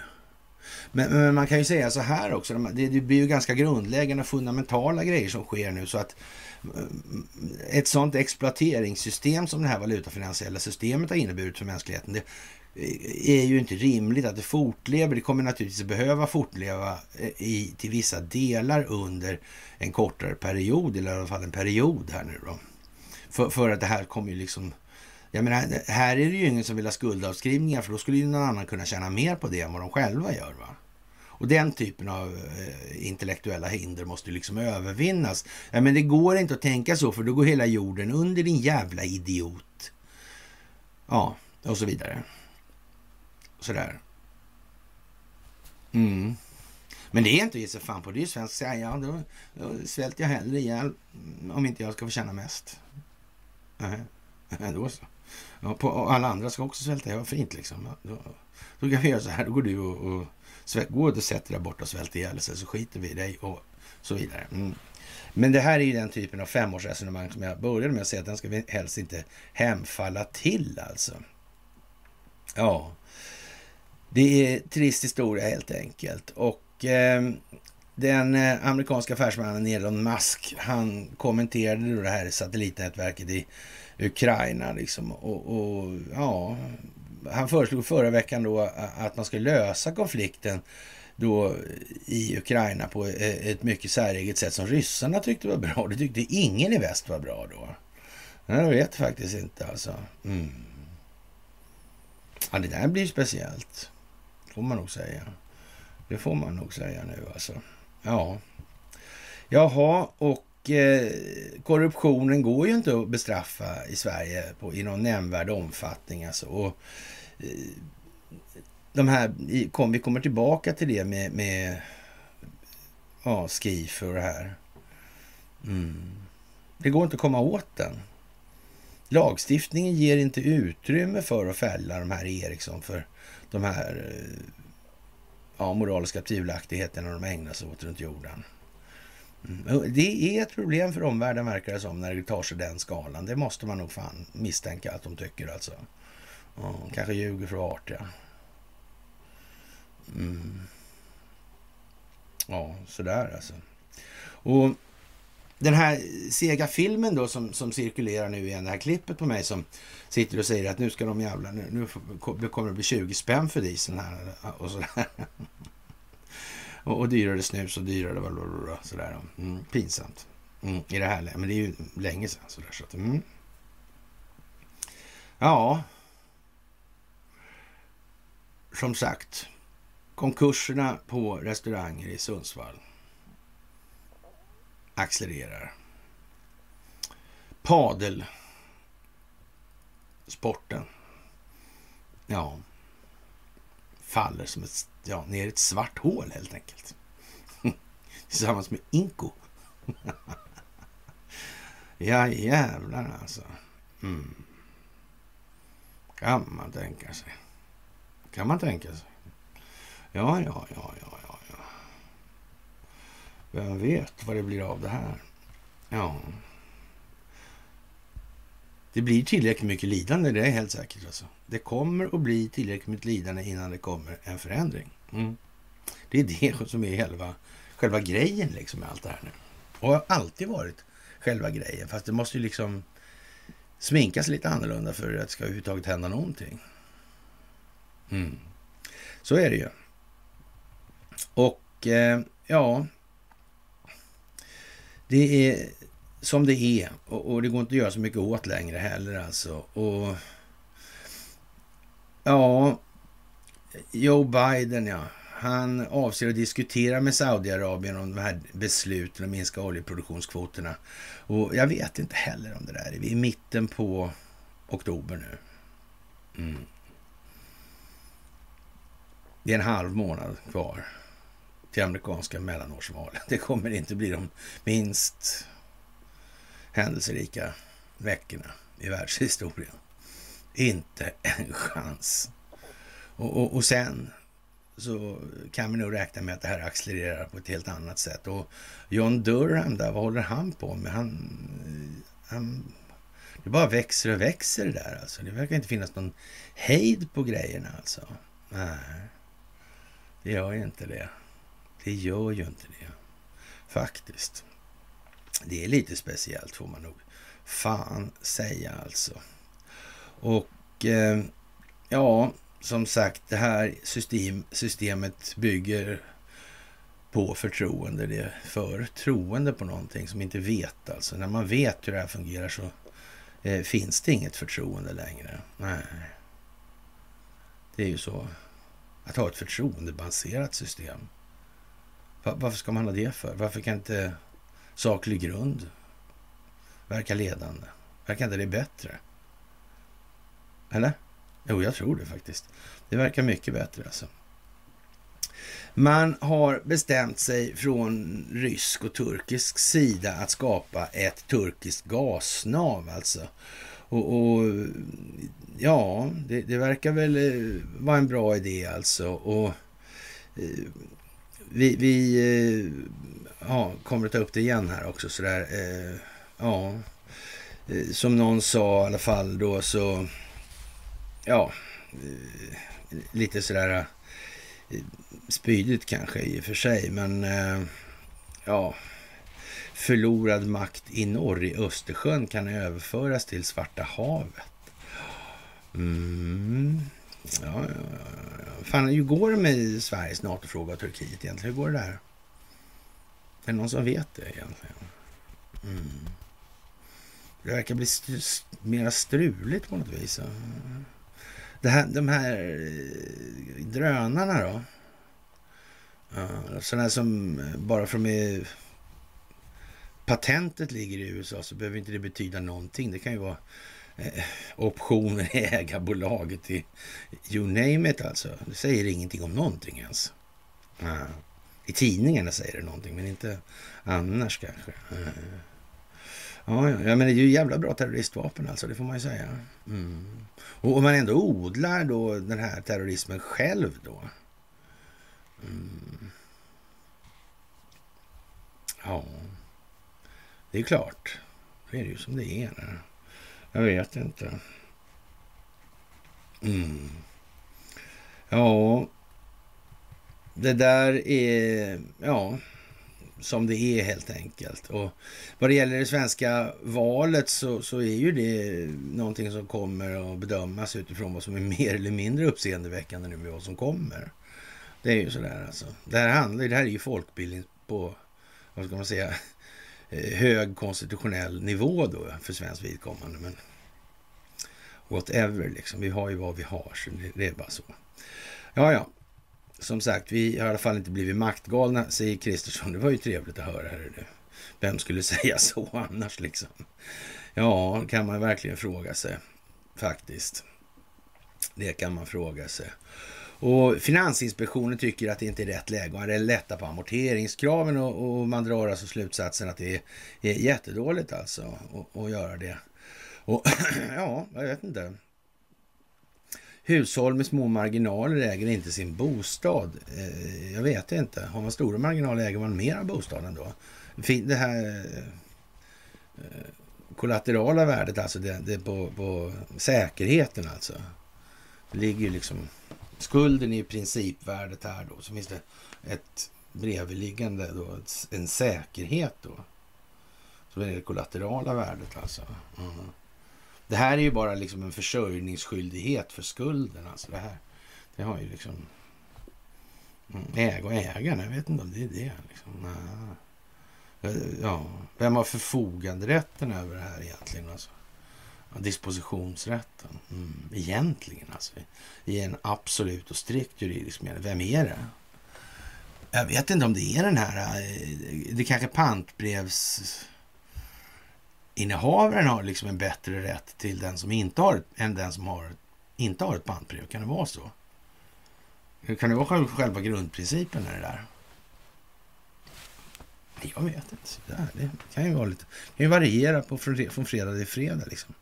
Ja, det här är ju som det är alltså. Och, och eh, det här kommer motverka Riksbankens arbete, säger man där. Jag vet inte, vi kommer tillbaka till det där också. Jag tyckte vi tog så mycket om det där förra gången. Och, och ja, eh, det är väl som det är alltså. Och eh, det här sprider sig alltså, den här folk, det här folkbildningsprojektet finns överallt i alla länder nu och det växer. Och överallt i alla länder finns det en massa eh, yvigheter också. Det är helt säkert. Det är helt säkert alltså. Och det här eh, har ju varit under lång tid alltså. Mm. Och det är ju liksom samma övergripande identiteter alltså. Ja, överstatligheten där. Eller bo, globala bolag då. Ja, det där är... Ja. Det här är helt otroliga tider. Regeringen fattade idag beslut om en proposition för att under första halvåret 2023 fullborda en ordnad avveckling av Sveriges militära styrkebidrag till FNs insats i Minusma i Mali efter drygt åtta års engagemang. Ann Linde, ja, igår.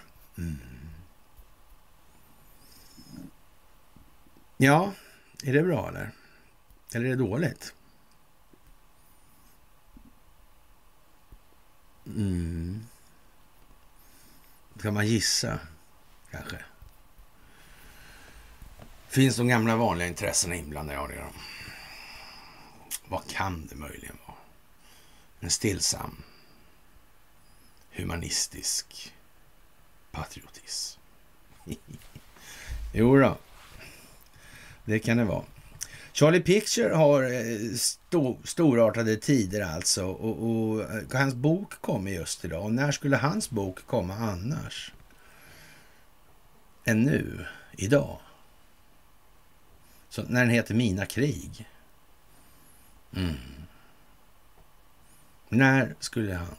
Jag skulle bli mycket överraskad om den där boken inte håller, innehåller överraskningar för den som förmår att läsa texten.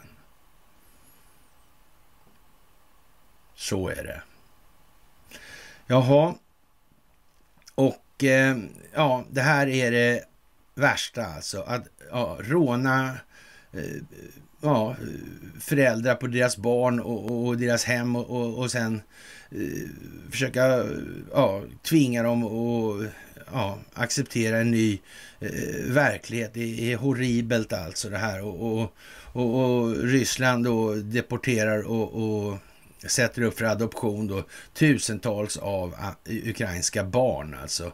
Och, och några har, har, dessutom fått eh, rysk Eh, nationalitet eller ryskt medborgarskap redan. Mm. Vad säger Ulf Kristersson om det där? Är inte det vad Adoptionscentrum höll på med? Mm. Kanske till och med från Ukraina har det varit något. Jag vet inte. Kan det vara så? Mm.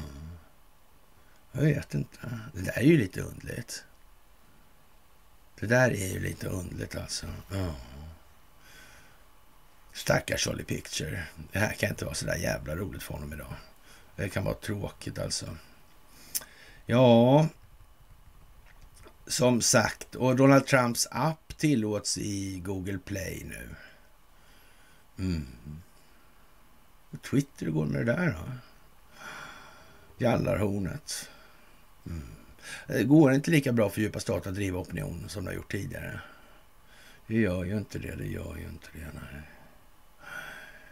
Det är speciellt får man säga.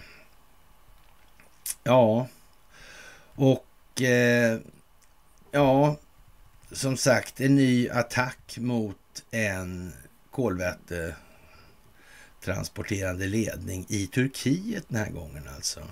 Men eh, turkiska underrättelsetjänsten var på hugget helt enkelt och ja, konstigt. Konstigt. Mm. Man vet ju inte liksom faktiskt. Och det här med Klaus Schwab och World Economic Forum, allvarligt talat alltså. Är det någon som inte har sett Klaus Schwab i, i sina uh, filmkostymer? När han ser ut som... inte Minimi kanske, men... Oh. ja. Chef för Spektrum. Mm. Det, Spektrum heter det något annat också. Ja, just det. Kontraspionaget. Ryssland, eh, Sovjetunionen. Mm. Eller Smash kanske. Ja, ja. Jaha.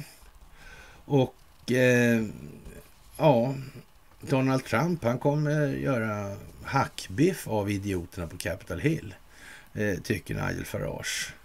Och, och, det kan ju vara lite trevligt faktiskt. Det hoppas vi sådär på. Och ja, lite röd oktober alltså och gasnav i Turkiet och spannmålsavtal och kärnkraftsbyggnationer och ja, och Ankara visar sig vara den mest pålitliga parten. Men då kan man ju säga så här, om, om man tittar i omgivningen så, ja, alltså det går väl inte med, med eh, hur ska man komma till Europa liksom? Mm. Det finns inte så många att välja på, det har aldrig funnits faktiskt. Men kan man ha tänkt på det redan då alltså?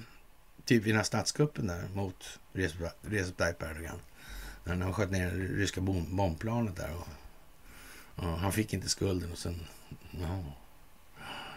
ja. Där hade man tappat det rätt rejält va? Är inte så? Jo, oh, så måste det nog vara. Mm. Där hade man nog tappat det rätt rejält alltså. Och då, då hade nog faktiskt insikten om vad som skulle komma, den hade nog landat på Arsenalsgatan 8C ordentligt redan. Ja. Ja. Det var dags att börja kratta man ner sig lite grann för vad som komma skall. Alltså i förhållande till de förhållningsdirektiv man hade fått då. Ja. ja. Det är ju rätt långt, det är ju sex år sedan alltså. Mm. Det är ju sex år sedan. Fantastisk tid, fantastisk tid då. Men ja, det, det har ju tagit en del. Så man får väl, eh, ja, det är ju som det är helt enkelt. Och jag vet inte, vi behöver väl inte gå igenom, eh, ja, egentligen det här för svensk vidkommande. Egentligen skulle inte behöva göra det. Men nu skulle ringarna på vattnet göra det här själva. Men nu fortsätter vi i alla fall. Då, sen tar vi det här lite högre upp och lite längre fram helt enkelt. Vi flyger Ja, för vi tycker det är roligt att flyga helt enkelt. Och vi har inget annat för oss egentligen som är mer vettigt att ägna sig åt. Så är det ju också. Och ja, vi hoppas, hoppas på att vi faktiskt minskar lidandet genom att göra det här. Mm. Faktiskt. Vi måste tro på människans utvecklingspotential i det här. Det måste, man får tappa det. Man måste tro att det kan bli bättre. Man kan inte ge upp. För då ger man upp sig själv och alla andra. Mm. Och därmed alla andra alltså. Jaha, och eh, ja, det här med att skapa ett eh, gemensamt eh, luftrumsförsvar alltså. Eh, eh, det kan man säga så här att vad ska man säga nu då från NATOs sida? Det är klart man måste säga det. Men är det här någonting som växer fram på... Ja, jag menar, det är ju förmodligen så att man inte känner alla delar av de ryska systemen. Faktiskt. Mm. Och då, vad innebär det liksom i förlängningen? Vad innebär det i förlängningen? Och jag menar, de här konflikterna pågår ju ändå nu. Alltså, nu måste man börja tänka på tidslinjalen. Här är det någon idé liksom för att planera för någonting om 6000 år nu? Vi kanske ska hålla oss i alla fall på tusenårsplanet eller några hundra års planering där. Mm. Jag vet inte. Där måste man... Vapensystem överhuvudtaget. Måste vi ha de här vapensystemen egentligen? Ja, det måste vi ha. Annars kommer vi ju råna varandra direkt. Mm. Jaha. ja, det är väl utifrån sig själv man bedömer andra som man brukar säga tror jag. Och eh, det här med EU-bidragen och, det är en sån grej som man gör att glesbygderna faktiskt förblir lite efterblivna för de har ju vant sig vid det där helt enkelt. Det blir liksom en tillvaro i, i någon form av märklig gråzonsbetingad... Ja, jag vet inte vad man ska kalla det där för egentligen. Det där är någonting konstigt alltså. Det är de odlar de sämsta sidorna hos individer. Och märkligt nog att de gör så ändå, fast man egentligen borde, alla borde kunna inse att det där är inte så lyckat. Nej, det är det ju inte. Faktiskt.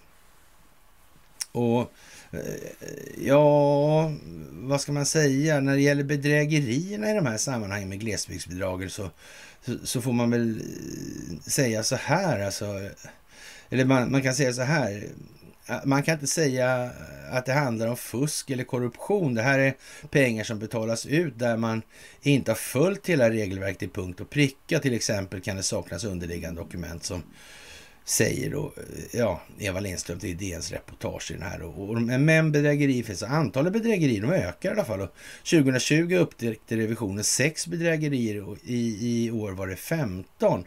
Även om man inte vill se det som en trend. Det allra mesta är en väntad effekt av att man har gjort risktagningar som tar en del av regionstöd och andra EU-bidrag. Alltså vi vet när den andelen högriskområden växer, då blir det helt enkelt mer fel. Alltså. Högriskområden menar revisorerna är projekt som kan kopplas till EUs inre marknad, regionala stöd, innovation och digitalisering. Stödkriterierna är komplicerade och osäkerheten i effekterna hög. Det är viktigt med ordentlig uppföljning av vad pengarna går till. Det kommer att bli en utmaning för EU-kommissionen, men även för oss, säger Eva Lindström. Jaha, vad är det här egentligen ens? Det är inte meningen eller? Är det det? Ja, ja, ja, ja, ja, jag vet faktiskt inte. Jag vet inte. Ja, det, det där är ju liksom lite eh, lattjo. Och, och ja, på de här myndighetsmötena som har varit den här veckan så har man faktiskt skickat ut Skattemyndigheten också. Och Skatteverket är normalt sett inte med i krishanteringsrådet utan vi och några andra myndigheter blev kallade i särskild ordning för det här mötet, säger verkets generaldirektör Karin Westlin Palm. Och hur kan det här komma sig egentligen? Mm. Hur kan det här komma sig? Är det så att skattemyndigheten har använts som politiskt verktyg, ungefär som Säkerhetspolisen eller eh, vilken annan svensk myndighet som helst. Alltså. Mm. Jaha. Och eh, om man ska komma till rätta med det här då, om man säger så här då, liksom, vi, vi, vi låtsas i alla fall att det, det har någonting med eh, Naxer Oxenstierna att göra sådär alltså, i, i något sammanhang. Mm. Oh. Och om man då som, från den sida som motverkar den djupa staten måste ta tag i den här frågan då. Och om man vet att den här idén med Louis, eller IRS då, Louis Lerner och så, den har, har ju sitt ursprung någonstans alltså. Mm. Och man, man, kan ju säga så här att Vasafogdarna fanns ju trots allt en, en, en stund före, ja för all del också, Oxenstierna också, men eh, före den amerikanska konstitutionen skulle man kunna säga. Mm. Det är nog inte så att de har eh, så enormt svårt att räkna ut varifrån det här med aktiebolag, alltså massa sådana här grejer, att varifrån det kommer egentligen. Alltså jag tror inte det. Nej, nej. Jag tror inte det alltså. Det, det är nog liksom lite åt det hållet. Ja, faktiskt. Och ja, det här med att det är fyra år till val alltså. Eh, ja. Mm. Eh, det tror inte jag på. Det tror jag inte alls på. Inte en sekund faktiskt. Eh, det är nog mycket som kommer förändras på väldigt kort tid här nu. Ja, så är det nog. Mm. Och, och, eh, som sagt, vi, vi har ju... Det antyds ju i vart fall att det ska diskuteras grundlagsändringar och sådana här prylar. Och, och möjligen kan det vara nödvändigt. Hur var det egentligen med de här ubåtarna till Nederländerna? Var det inte något sånt där? Jo, jag tror det faktiskt. Det var ju något sånt där. Så hade inte de en försvarsminister som pratade svenska dessutom? Jo, just det.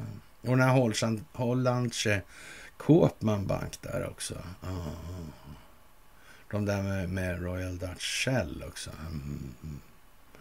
Ja, just det. Så ja. Ja, det där var ju konstigt. Det där är ju lite speciellt faktiskt.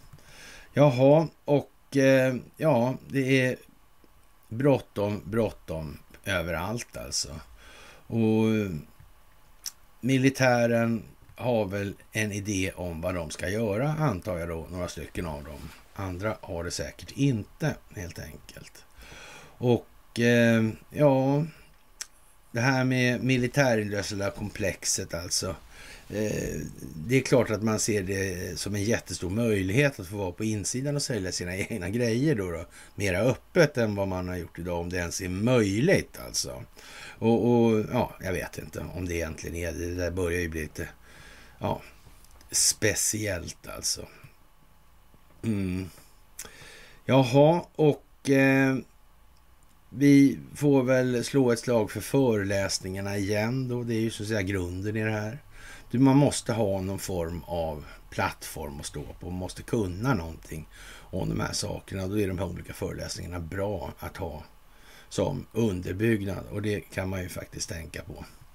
Och som sagt, Talse Gabbard lämnar och det innebär ju då i sin tur då att då är delen med det demokratiska partiet avklarad så tillvida.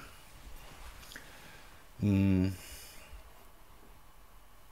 Mm, det finns liksom, ja, ska hon kliva tillbaka när det blir, har blivit en rensning och så. Alltså det finns ju lite olika sätt att se på det. Men ja, nej, det, det, det får gå för att ha passerat nu alltså. Och ja, det är ingen möjlighet för Sundsvalls kommun att kräva skadestånd i alla fall i Skifu. Och ja, det är inte mycket att göra. Så man, man, man kan inte, det går inte för att kräva något skadestånd för arbetsgivaren och såna grejer. Det går inte. Det där brottmålet är brottmålet. Sen finns det inget. Jag får dra ett civilmål möjligen, men det är helt utsiktslöst skulle man kunna säga. Så Sundsvalls kommun får inte tillbaka några pengar. Och den hopplösheten som folk upplever när de hör det där, det är precis vad de ska ha. De fattar ju inte det här med krokiga linjerna. Hur tydligt man än skriver det i Sundsvalls tidning. Nej. Men då så. Då får ni det där då. då. Nej, kan, kommer inte åt det här. Ni kan inte göra någonting. Ni är för lata, för dumma. Rättare sagt, ni har inte brytt er. Ja. Och by the way, vi stänger krogarna. Mm. Ja, så. Mm. Det kan ju bli lite tråkigt kanske. Dags att engagera sig. Ja, man får ju ta vad man har som Kajsa Warg sa. Och mm, det här med grunderna till Ukraina-frågan där och de här juridiska eh, ja, aspekterna på det här med de, det 106 107 kapitlet i FN-stadgan. Det är ju som sagt ingen större idé att eh, lägga för mycket tid på det nu. Det lär visa sig med tiden i de rättsliga efterspel som blir eller inte blir om det då finns en massa annat som kan läggas parter till last i det här helt enkelt. Mm. Och, och, den risken är ju ganska uppenbar måste man säga faktiskt vid det här laget. Det, eh, man kan ju tänka sig att det internationella samfundet liksom är inte så där jätteintresserade av att Lundinerna går fritt eller att Ericsson fortsätter att hålla på som de gör och så vidare. Va? Det, det, får vi nog utgå ifrån lite grann helt enkelt. Ja, och ja, vad ska vi säga? Hot om kärnvapenkrig alltså. Och ja, möjliga ryska kärnvapenattacker alltså. Och, och det här är ju lite märkligt egentligen. Alltså, vem är det som håller på i det här? Och flaggar för det här hela tiden. Jag menar, vad hade, vad hade kärnvapnen varit utan mediernas roll i sammanhanget? Hade någon varit rädd för dem där? Nej, det är det som är så konstigt. Det är opinionen som har gjort kärnvapnen till någonting, till vad de är. Mm. Det är liksom lite udda alltså. Ja, och en dag så kommer man att inse att det är samma familj, var, eller ja, Saxen, Coburg, Gåta där. Mm. Och WHO. Och så är det lite... Ja, Nederländerna. Mm. Konstigt det där. Jag vet inte. Är det något som ska exponeras med det som händer nu kanske? Det vet inte jag. Nya miljözoner i Stockholm vet vi däremot kommer. I Stockholms innerstad blir det bara elbilar från 2024 och det måste ju vara en given succé alltså. Och, och man meddelar det här på torsdagen, alltså 2024 ska det bara vara elbilar i innerstan alltså. Ja. Nej, men eh, det är ju intressant alltså. Och det här är ju en liten stad i ett litet land. Mm. Och ändå. Ändå är det, det är jättekonstigt att det blir så här. Faktiskt. Och någonstans så går historien alltid igen. Och varför håller internationella medier på och tjatar om det här med Vasa alltså? Och, och 1625 medan Sverige var upptaget med att bygga ett imperie runt Östersjön. Alltså, så bestämde då ja, Gustav II Adolf då och, och, att han skulle få ett jätteflott skepp på den här historien med Vasa då 1628. Och sköt en salut och sjönk egentligen. Hon sjönk alltså alldeles utanför då Skeppsholmen här alltså. Mm. Det där är ju mycket konstigt. Mm. Undrar om de hade grävt några tunnlar därifrån tidigare också kanske. Jag vet inte.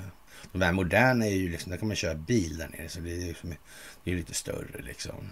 Mm. Mm. Det där är märkligt, är det inte det? Lite udda sådär. Eh, ja, som sagt, att, att det skulle rösta, det blir klart idag men ska röstas på måndag, det, det är ju som det är liksom. Och det gör ju det här som kommer nu till en spännande helg naturligtvis. Det kan ju inte uteslutas att det här är klockat så noga heller alltså så att det att det verkligen är tajmat in i minsta detalj alltså.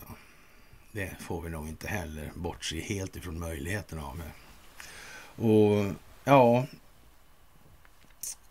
eh, som sagt, Jomshoff, ja, han sitter väl han sitter nu av en anledning och ja, det är inte säkert att vi är så nära en ny regering, sa han ju häromdagen. Mm. Nej. Men han kanske inte visste vad som skedde i de här förhandlingarna. Och, och, och de här buden, det var liksom, det bara kom det var inte, de har inte planerat någonting sådär, utan det var någonting de kom på på mötet där. Då gör vi så här istället. Det är, inga, det är inga strateger som jobbar med sådana här saker. Alltså, nej. Nej, nej, det är, Jimmy skjuter från höften vid tillfället. Det är liksom själva... Det är stridsledning alltså, rakt av. Alltså, jag vet inte liksom om jag tror på det där alltså.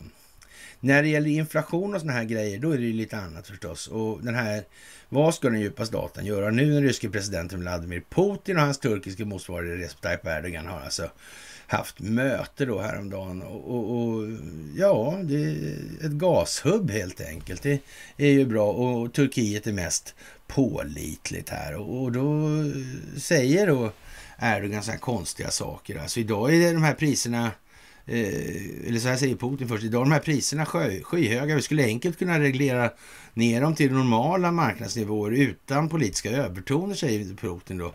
Eh, och både USA och EU har kritiserat EU, eller Turkiet för att för att landet inte infört samma sanktioner. Inför, inför mötet här svarade Erdogan delvis på kritiken. Även om Turkiets och Rysslands agerande kommer att göra vissa upprörda så, så kommer det här att, att göra utvecklingsländer glada, säger han. Okej. Okay. Några blir upprörda och några blir glada. Och det handlar om samarbete med Ryssland. Jag undrar vad det här kan betyda. Är det här jättesvårt? Några blir så... Ska vi gissa på att Sverige inte blir överlyckligt? Det kan man nog säga, ja. Fast de är inte lyckliga redan nu. De är ju lite så, vi, vi är ju väldigt lyckliga. Vi är bland de lyckligaste befolkningarna enligt eh, Expressen och Aftonbladet. För kanske, eller Svenska Dagbladet skulle jag säga. Ja, det är lite dåligt läge kort sagt i det här nu. Och eh, i Dagens Nyheter igår så kör man upp med Korn här och, och, det är ju lite udda. Han har en rysk donna då och, och Mm. För varje sprängd rysk stridsvagn så höjs Sveriges säkerhet. Det här är faktiskt i Dagens Nyheter en jätteartikel alltså. Och eh, vi har en historia då, eh, jag och Conny, som är inte fan vet jag, men den är ju skitgammal alltså. Det här är ju, eh, ja, det är precis när, ja, mm, ja det är till och med innan när plattformarna kommer. Det här är jätte, jättelänge sedan. Alltså, sådär. Facebook var inte uppe då. Alltså. Och så och chattar om det här med pengar då. Han vill inte erkänna då att det är bankerna som skapar pengarna. Det, det, det, finns liksom inte. Eller det fanns inte då. Sen har det inte, har inte ändrats och sådär. Så att det, ja, och, och av alla tröga jävla marionetter alltså, så, så är det Corny då som kommer upp i det här. Och det här är lite speciellt. Och, och, man får fan anstränga sig nu alltså för att inte se det här som en slags ja, nyttig idiotövning. Alltså, han håller fortfarande fast vid det här. Alltså. Och, och, det är jävligt mycket i det här eh, som är otroligt konstigt alltså. Och som sagt, för varje sprängd rysk stridsvagn så höjs Sveriges säkerhet alltså. Ja, det där kan inte vara så där jättebra, det måste man nog förstå. Alltså, och, och ja, antingen är det ju liksom... Ja, vi kan ju ha fel då i det här och, i allmänhet och jag i synnerhet då. Mm. Och då får jag stå för det. Så, för vad jag har sagt och uttryckt i det här. Det, det finns liksom inspelat så det räcker och bevarat på rätt många ställen skulle jag vilja påstå. Så det kommer jag ju liksom inte undan. Nej. Eller också är det någon annan eller några andra som sitter rätt så sketet till just nu. Alltså. Mm. Ja, ja, det, det, kan man ju fundera lite på. Det blir liksom det ena eller andra här alldeles snart, verkar det som. Ja, det är trevligt alltså, kan man säga. Och eh, Anders Åslund är, är, liksom ute och far då och nu måste Sverige som ordförande för EU då hjälpa Ukraina och det här sker då e, efter årsskiftet. Och när det gäller, eller Åslund då, han, han är ju Ja, det är ju vad han är liksom. Jag tror ni slår ni Åslund på, på bloggen så inte vet jag hur många sidor det är, men det är ju liksom... Ja, det behövs liksom inga eh, vidare presentationer om man säger som så. Och jag vet egentligen inte om det är så där jävla mycket att säga som inte sagt i, i, i frågan om Anders Åslund. Alltså det är ju liksom en marionettdocka eller en trumpetfigur så det, det liknar ingenting alltså. Och han mässar på då liksom. Och eh, ja, nu är det viktigt att EU sätter igång riktiga förhandlingar om EU-medlemskap när det gäller Ukraina. Alltså, och, ja, jag vet inte. Det, det, är helt otroligt alltså. Hela västvärldens existentiella krig mot Putins barbari. Ukrainarna slåss mer än bara för Ukraina, utan ja, slåss för oss också. Men liksom, och det här är alltså jag vet inte varför jag tycker liksom jag känner en viss eh, motvilja mot att sitta och läsa upp det där. Alltså, för det, ja, någonstans är det så här att han gycklar ju med sig själv. Alltså, han driver, tvingas driva med sig själv i det här. Han måste rimligtvis förstå att det, det är ingen vettig människa som tror liksom att eh, ja, Ukraina just nu, det går i det tempo som behövs för opinionsbildningen. Det är precis det det här handlar om. Olika militära insatser kommer fällas ut för opinionsbildningseffekter i koordination med vad som sker i övrigt. Till exempel det amerikanska valet, Durham och så vidare i det här. Mm. Det är så det ser ut alltså.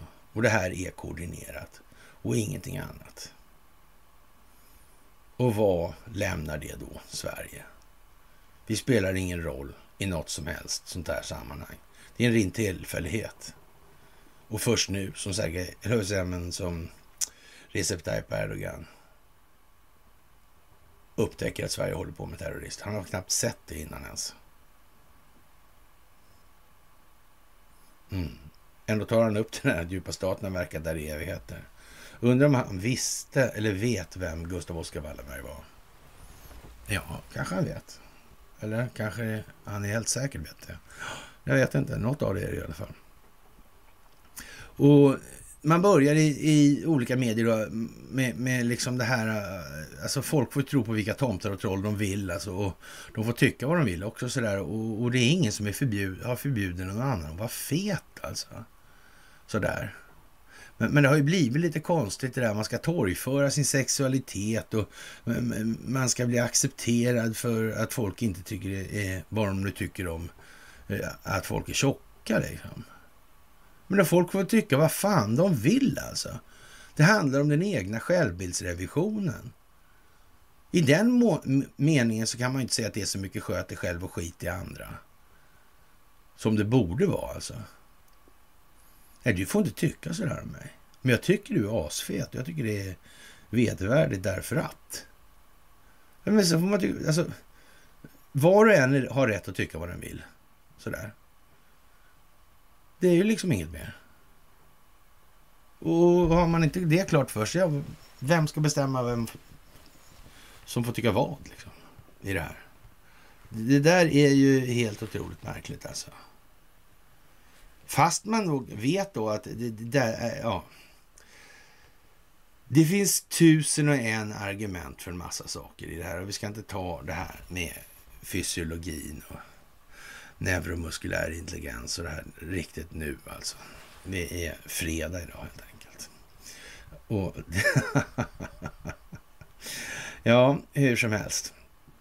Alex Jones är ju inte sådär jättemager kan man inte påstå.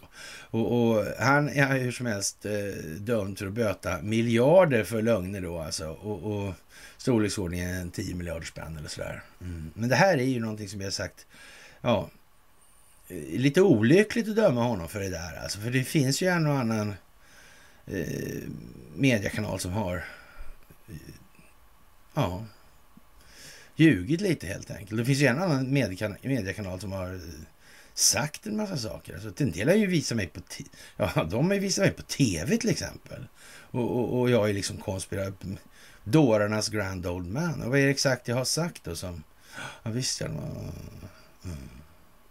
Men man kan ju säga så här att om de här jävla dårarna som håller på då med det här och, och medierna och så här håller på, då kan man väl säga så här att, eh, vänta nu, låt se.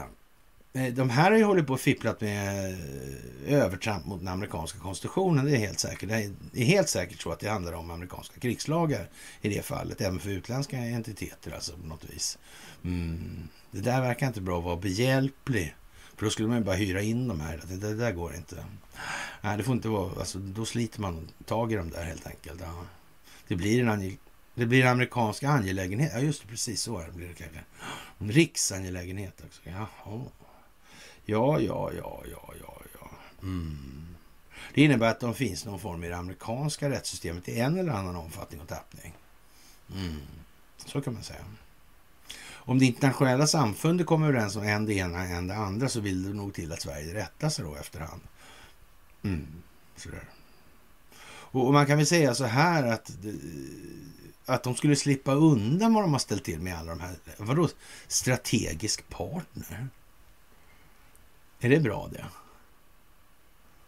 Mm. För det som har hänt i USA det är uppenbarligen att Alex Jones i och med att han blir dömd för det här skapar ett klimat där ljugande medier kan stämmas på substantiella belopp. Så kan man ju säga. Mm. han är ju egentligen ingen fara sådär, utan det är bara att han, det är amerikansk lagstiftning, så en, en konkurs på sig själv och sen är han ute ur det där. Liksom. Det, är inget, det spelar ingen roll alltså.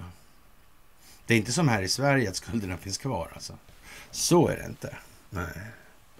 Just det, och kanske det är därför man ska ha de här grundlagsdiskussionerna. Jag vet inte.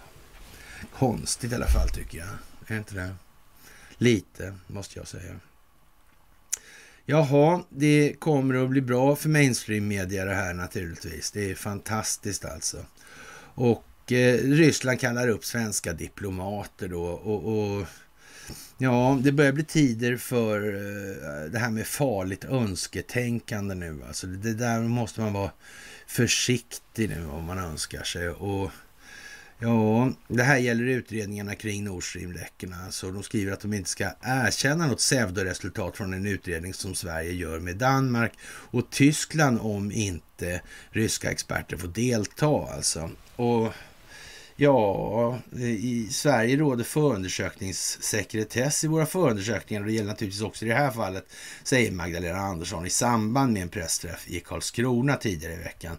Eh, eh, det är fritt att göra egna undersökningar i området, tillåter Andersson, det vill säga man vill inte samarbeta med Ryssland i de här sammanhangen och det är ju en rätt viktig markering i dagens läge i det här sammanhanget skulle jag vilja påstå. Mm.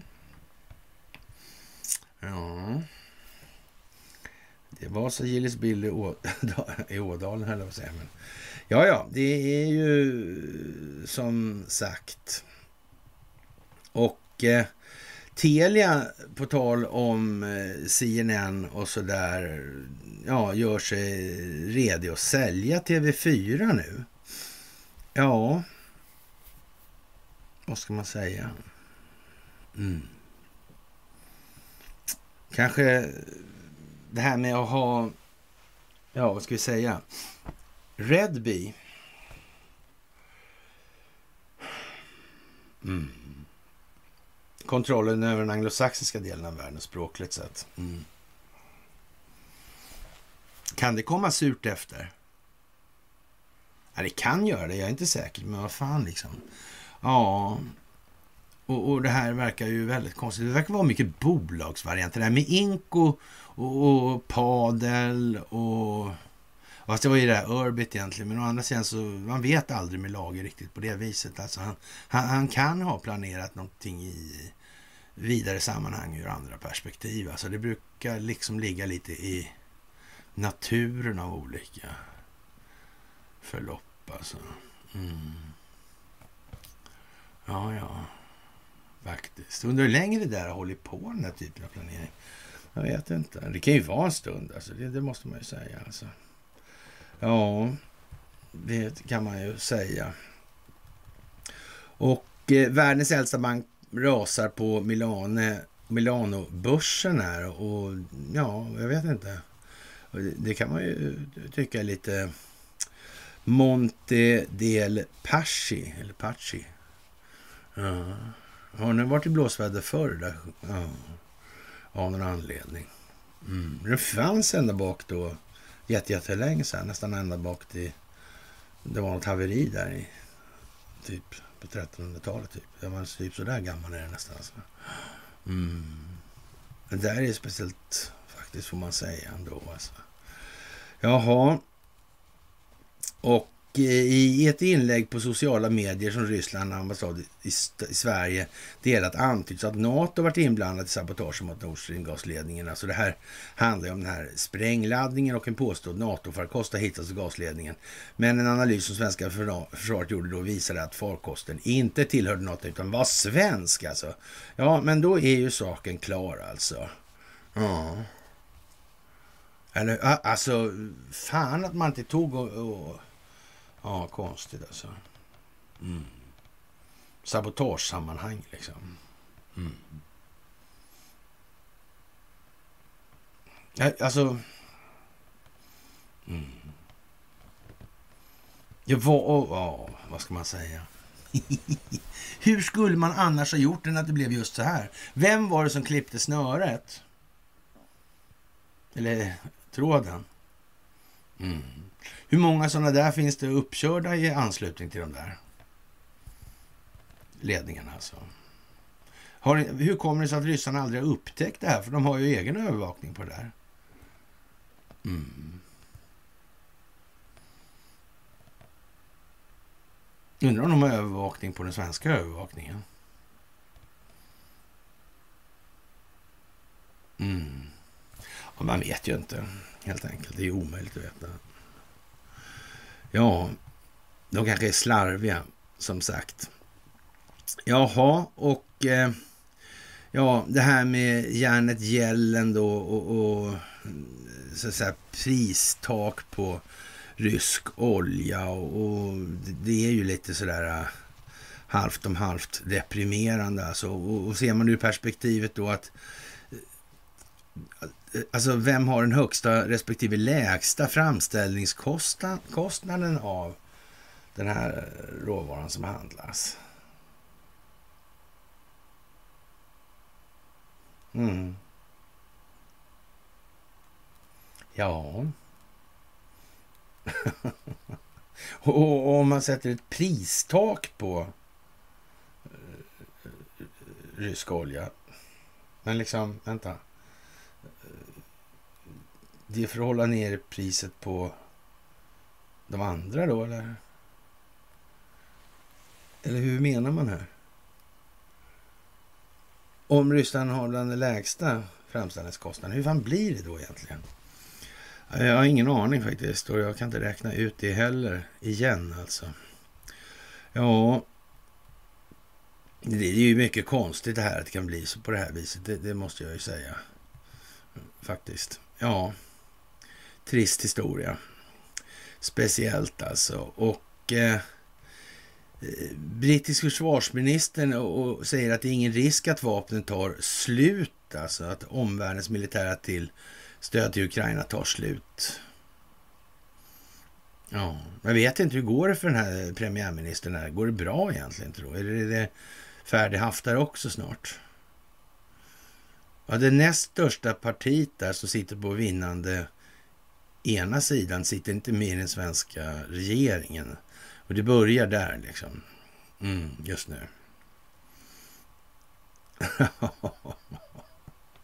ja. Det är en lite konstig situation där måste man nog säga. Jag tror att amerikanska mellanårsvalet kommer bli någon form av vattendelare, det vill jag nog påstå.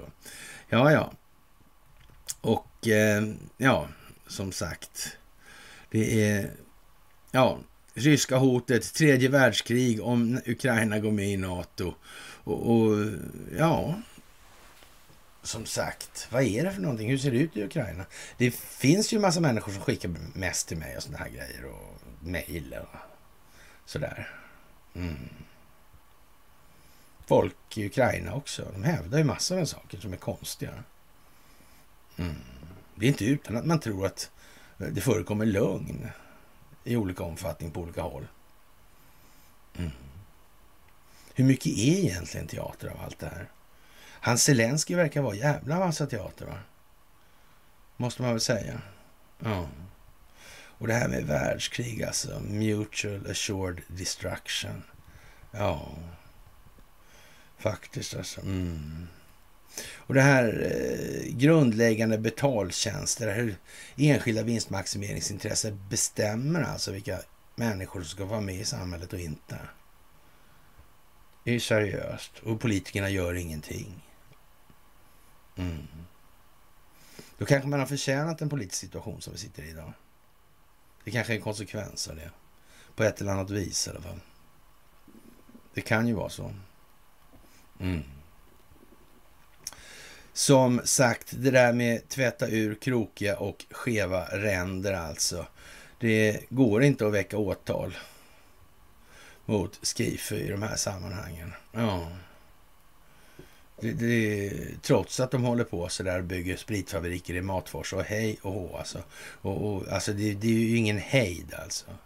Och, och, det går inte att kräva något ansvar, de får stå där. Jaha. Oh. oh. Och så vill de inte bry sig. De vill bara liksom ja, stoppa nylle fullt med kolhydrater helt enkelt. Det är vad som är grejen. Mm. Ja, ja, det är så, men det kommer att bli bättre alltså. Jaha, vad ska vi säga? Det är... Som sagt, Ukraina är vad det är nu och, och det mesta av det som smäller där inne det är ju så att säga opinionsbildningssmällande. Helt enkelt. Mm. Och, och, nu är det ju liksom... Ja, nu ska ju så att säga slutkortet staplas upp för ett eventuellt genomförande alltså. Mm. Om det behöver gå så långt. Och, och, då kan man ju säga så här, om det, det kan ju ha med väderförhållanden att göra sådana grejer också. Att det så att säga inte blir tillräckligt kallt till exempel. Det blir för jävla geggeldrant. Och då blir det då liksom av praktiska skäl så genomförbarheten minskar helt enkelt. Ja, ja. Aldrig har vi varit så välutbildade och aldrig har vi tänkt så lite själva alltså. Och ja, det var ju som det var liksom en gång i tiden och det blev som det blev av en anledning. Och välutbildad, ja. Precis alltså. Aldrig har vi tänkt så lite själva. Ja, vad har man dresserat hundarna till egentligen? Mm. Vad har vi gjort med Pavlovs hundar i det här? Och det är förbjudet att offentliggöra, höll jag men fullgöra offentliga kontrakt med ryska leverantörer enligt dagens juridik nu. Och sen har då vi fått fart på Andreas Cervenka och börjar tjattra om eh, ja, inflation hej och hå. Prishöjningar har ingenting med inflation att göra utan en, endast ett verktyg för att eh, stålgångsockupera svensken lite extra.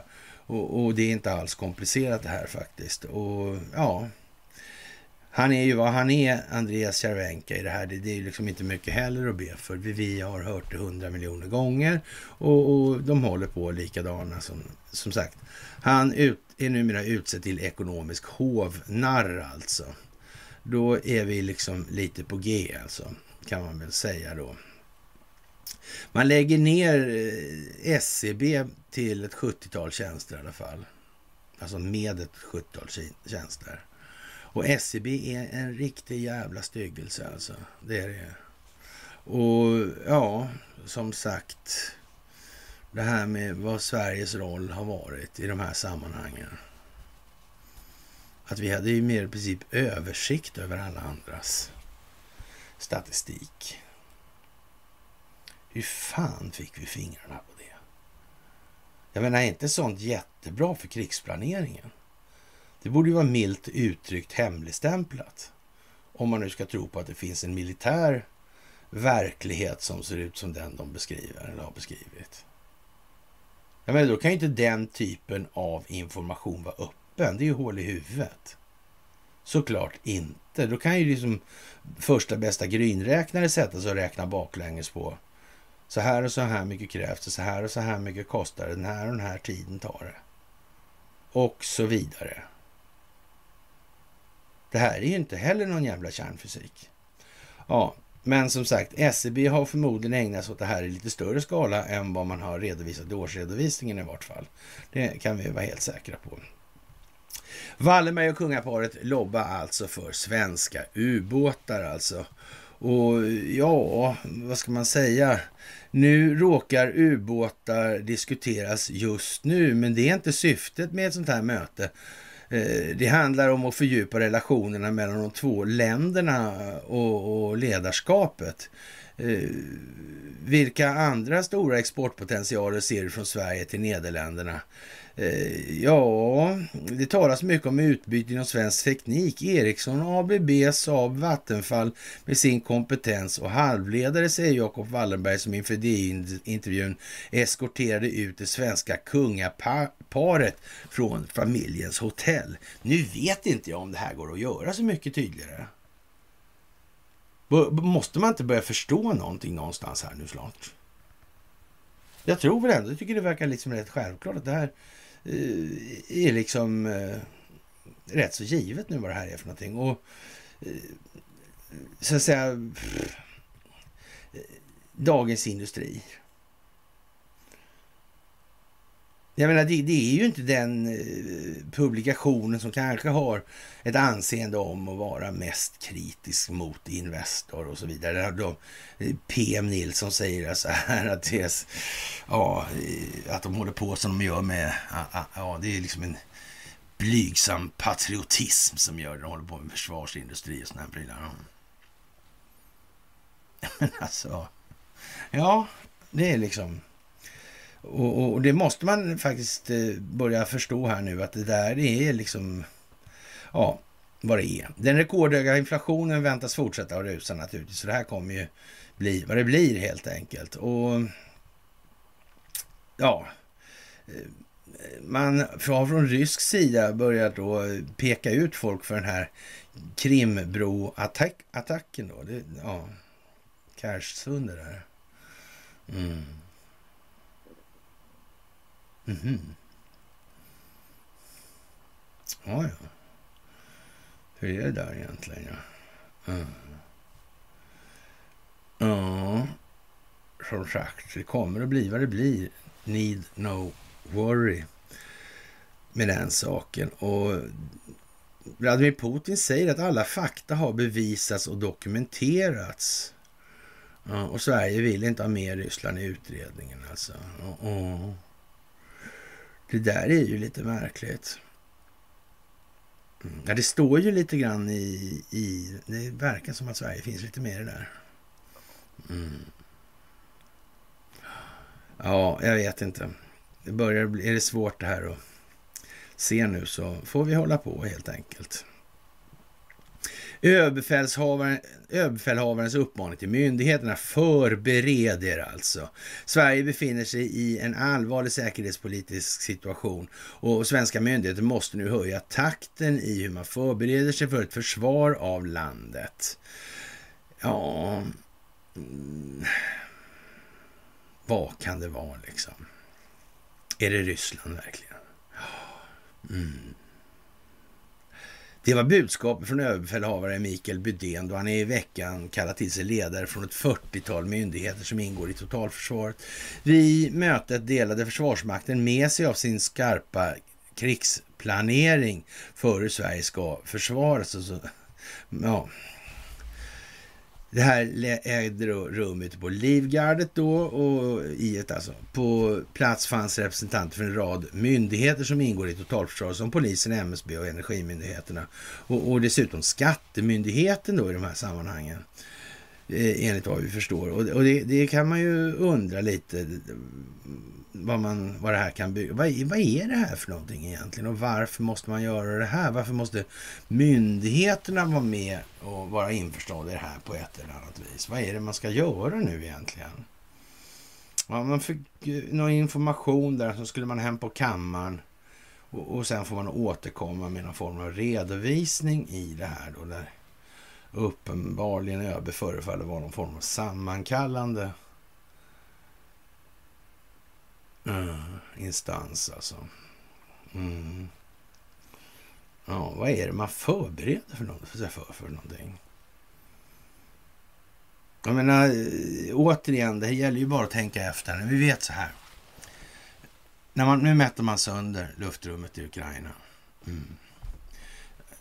Så. Vi vet så här att om de skulle slå på här, hitåt, ja, då kommer det förbekämpning. Så. Det, det kommer ju någonting, det kommer flygande saker emot oss. Så, mm. Då lär vi verka det. Ja.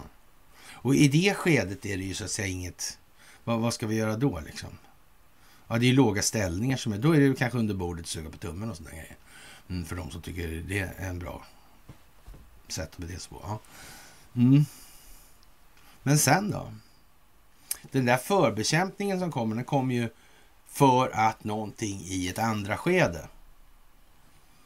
Men dessutom är det ju så här då att eh, det är ju inte så att förbekämpningen kommer bara så. Utan då har man ju så att säga gjort någonting innan. Och då kan man ju då från djupa statens sida säga, titta vilken mycket negativ propaganda som, som Kreml kör ut här i, i Sverige. Mm, ja, visst. Ja, och sen skickar man ut en massa folk och, och kör en massa förgiftningar och ja, förstörda vattentäkter och stöka till det med infrastruktur och såna här grejer. Mm, mm, och det är därför det alltid blir såna här grejer. Det är aldrig man själv som gör sånt där. Ja, man konstruerar inte hotet. Aldrig, aldrig gjort. Någonsin. Ja, hur som helst. Eh, vi har inte sett något sånt där diversionsskede. Eh, det finns inga, inga uppgifter om det i alla fall. I något sammanhang. Nej. Vi har inte sett någon förbekämpning. Inte ens i Ukraina. Nej. Det har vi inte. Man har inte sett någonting av att de mätta sönder luftrumsförsvaret. Och så det som händer, alltså, när, när det här eh, mätta sönder, det är ju liksom, då menar jag mätta sönder verkligen. Ja, det, det, man skickar in någonting. Luftrumsförsvaret reagerar på det där. Här borta står någonting som reagerar på reaktionen. Så när den här har reagerat då, så att säga, då kommer någonting som plockar bort den där. Så att den reagerar inte några fler gånger, utan det är färdigreagerat så att säga. Man öppnar alltså så. Och, och sen blåser man sönder hela ukrainska luftrummet. De har ingenting kvar nu. Det är soprent alltså. Och därför är det så viktigt att stå säga sådana här grejer som vi rabblade upp nyss. Här. Det kommer aldrig ta slut, säger engelsmannen här. Nej, vi får väl se liksom. Vi får väl se. Ja. Jaha, och då, är det, då kommer ju frågan alltså. Vem är det som kommer? Vad gäller saken? Varför går det inte att förhandla?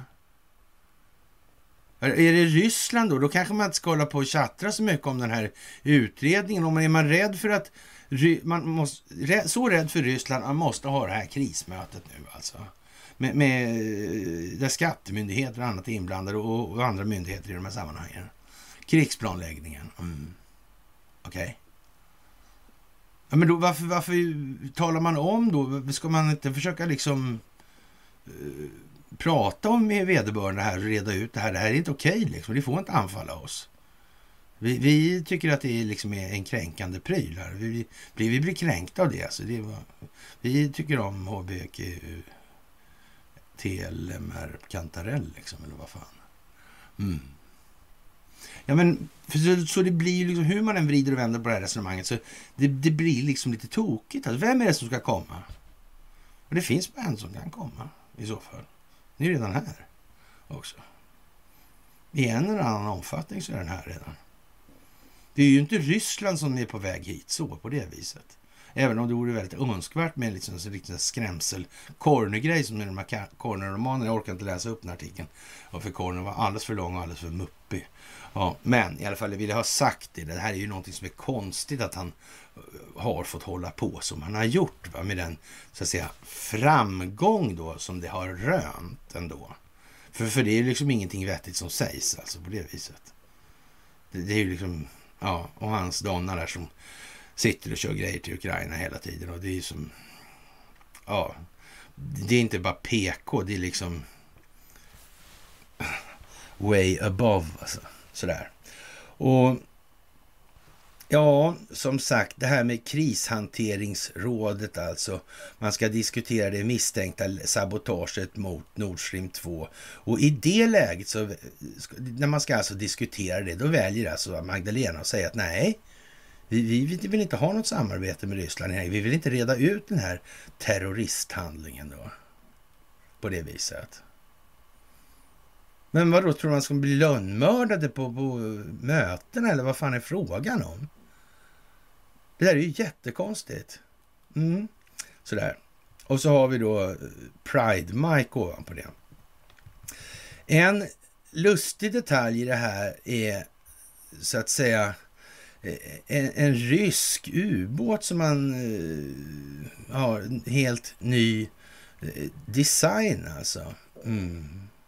Och det är på något vis en spegelvändning av en sumvaltjagare. En sumvaltjagare är en mycket konstig grej. Alltså man har byggt några båtar i USA på senare år här, som rent systemmässigt inte är vad man ska säga, eh, seriöst kompatibla med övriga vapensystem. Man har alltså byggt de här, de har blivit någon slags jävla självgående, jag vet inte vad liksom. Av någon anledning. Och det är ju alltså inte de minst, det är de dyraste prylarna man någonsin har byggt i USA överhuvudtaget. Jättekonstigt. Mm. Jag har föreslagit i mitt stilla sinne att vi, en sån där... Först skrämmer man skiten ur svenskarna med en fet smäll ovanför Östersjön. Ja, och sen kör man upp en, Sundsvall, en och lägger i Sundsvall och parkerar längs kajen och kör in under bron. Där. För att hålla ordning på torpet. Och så får väl ja, svenska staten ta hjälp av amerikansk militärpolis helt enkelt. Ja. Och de kan ju skylla på att de ska hålla ordning på kineser och ryssar som finns i, i trakten för affärsmässigheten helt enkelt. Ja, men till exempel. Så kan man göra. Det skulle vara kul. Ja, tycker jag. Ja, vad ska man säga? Måste ju skoja till det i alla fall. Kan inte bara hålla på liksom på det här viset. Och, ja, det blir bara konstigare och konstigare ju. Sådär. Och eh, ja, nya vittnesmål om, mål om tystnadskultur. Och det är värst bland läkarna i Stockholm, häpnadsväckande nog. Och, och, och jag vet inte, man säger så här, när det gäller moralisk bildning och sådana här prylar. Då, då, då, finns ju ofta läkare som, som gör gällande då att de, de har någon form av eh, själslig resning i det sammanhanget. Mm. Det finns inte en läkare som har blivit det för lönens skull alltså. Nej, men som där, alltså det, ja. Och eh, som en färsk rapport eh, från den tyske parlamentariska försvarskommissionären Eva Högel visar är landets militära arsenal helt otillräcklig för att upprätthålla ens en begränsad konflikt med någon part. Om ett stort krig bryter ut kommer landet ta slut på ammunition efter bara 48 timmars kontinuerliga strider enligt American Military Watch. Och ja, samtidigt har vi inte tillräckligt med lagringskapacitet heller då. Eh, det visar att det behövs eh, fler ansträngningar och lyfter fram den särskilt akuta bristen på självgående haubitsar, raketartilleri och luftförsvarssystem. Men det kan man ju säga så här, att om vi nu ska prata i, i termer av kinesisk militär verksamhet, så är det någonting man, man ska räkna upp några saker nu här, som man inte ska ha brist på, om man ska bedriva ofred mot andra parter. Då, då, kan man säga så här att den särskilt akuta bristen på självgående haubitsar, raketartilleri och luftförsvarssystem. Det är den särskilt akuta bristen alltså. Ja, om man ska säga att det är någonting man ska ha då, gott om, då tror jag vi tar dem. Mm. Har man tillräckligt med luftrums försvar och tillräckligt med enheter för indirekt eldgivning. Ja, artilleri alltså. Ja, då eh, blir det ingen stöveltramp på tomten i alla fall. Nej, inte om man inte vill. Det blir det inte. Då är det färdighaft liksom. Och, och det vet inte jag hur många som klarar av att räkna ut att det var... Tänka, vad fan säger de för någonting här nu? Mm det där med boots on the ground liksom, det blir ju på något vis. Men eh, boots on the ground, de står sig ganska så slätt mot artillerigranater om jag uttrycker mig lite hovsamt. Milt i tonfallet alltså. Ja, det där är ju helt otroligt bra. Och eh, vi har väl eh, konstaterat att AIK i bandy där, det här var jävligt lattjo pryl som hände precis efter förra myset. Eh, AIK krävs på miljoner av Kronofogden alltså. Det är ingen risk att det har spelats på AIK bandy. Och den här Johan Segui som förekommer, så han, han förekommer i det andra förbund, va? inte för klacken och sen var han i hojsvängen och han lagt ner hojsvängen och tillbaka i, i AIK där nu, eller hur fan funkar det där alltså? Jag menar, känns inte han som han hoppar lite mellan det ena och andra? Hoppar från tuva till tuva på något vis. Ja. ja, jag vet inte. Det verkar precis som att om det är så, känns inte det som att det liksom... Han har lön från staten också. Den djupa staten. Det fanns något jävla tystnadsgrej där med...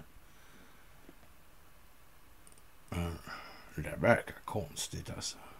Den där som blev av, eller som fick sparken, eller hur fan var det? Något kontrakt där. Kan han uppteckna? Eller? Jaha. Men var det, och så var den där boken, var det inte det han... Vad hette han? Tom hette sonen, va? Då var någon journalist på Expressen och sportchef, va? Var det Ma Ma Malmqvist? Thomas Malmqvist. Mm, så hette Tom. Ja, det var spelskandal där 91. Det gällde bandy också. Pelle Fosshaug kom ut med en bok där också. Just så var det, ja. Och så blev det upprättelse på det där. Den, gick, den går som tv-serie nu också, ja. Just det. Så, ja. Konstigt. Men det hänger inte ihop. Det handlar inte om folkbildning. Det här är inte världens genom tiderna största folkbildningsprojekt baserat på en amerikansk stingopera. Det är inte det. Nej. Och de här spelbolagen finns inte på Malta heller för övrigt. Ja, ja, men det kan ju vara fel. Det kan ju vara fel. Men eh, med det, kära vänner, så får man väl nästan anse att eh, veckan är till ända. Och, och, som sagt, ni märker ju själva att det, tempot är som det är. Men ja, eftersom det är intensiteten på varje grej som ökar och det är så många saker nu så ja, vi kör väl på här och så får vi se när vi känner oss nödda och tvungna. Vi trodde ju några stycken att det skulle hända, men nu kan man säga, nu, nu laddar man ju upp då inför att det här ska bli liksom lite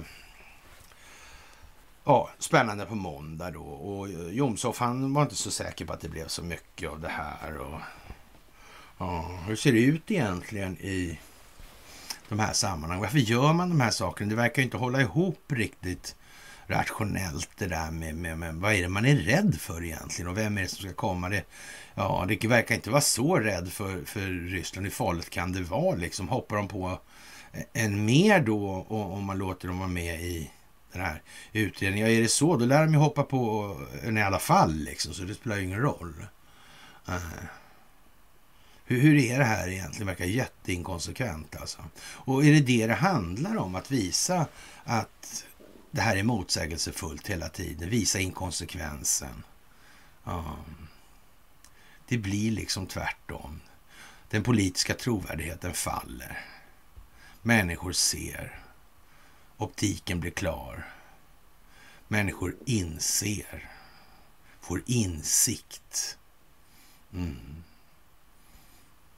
Men det här blir bra. Det blir fantastiskt. Ni ska ha det största av tack och eh, som vanligt, upp med hakan. Det här blir jättebra. Det här är fantastiskt att få göra tillsammans med er. Och så önskar vi er en trevlig fredag. Och sen hörs vi väl då senast på måndag.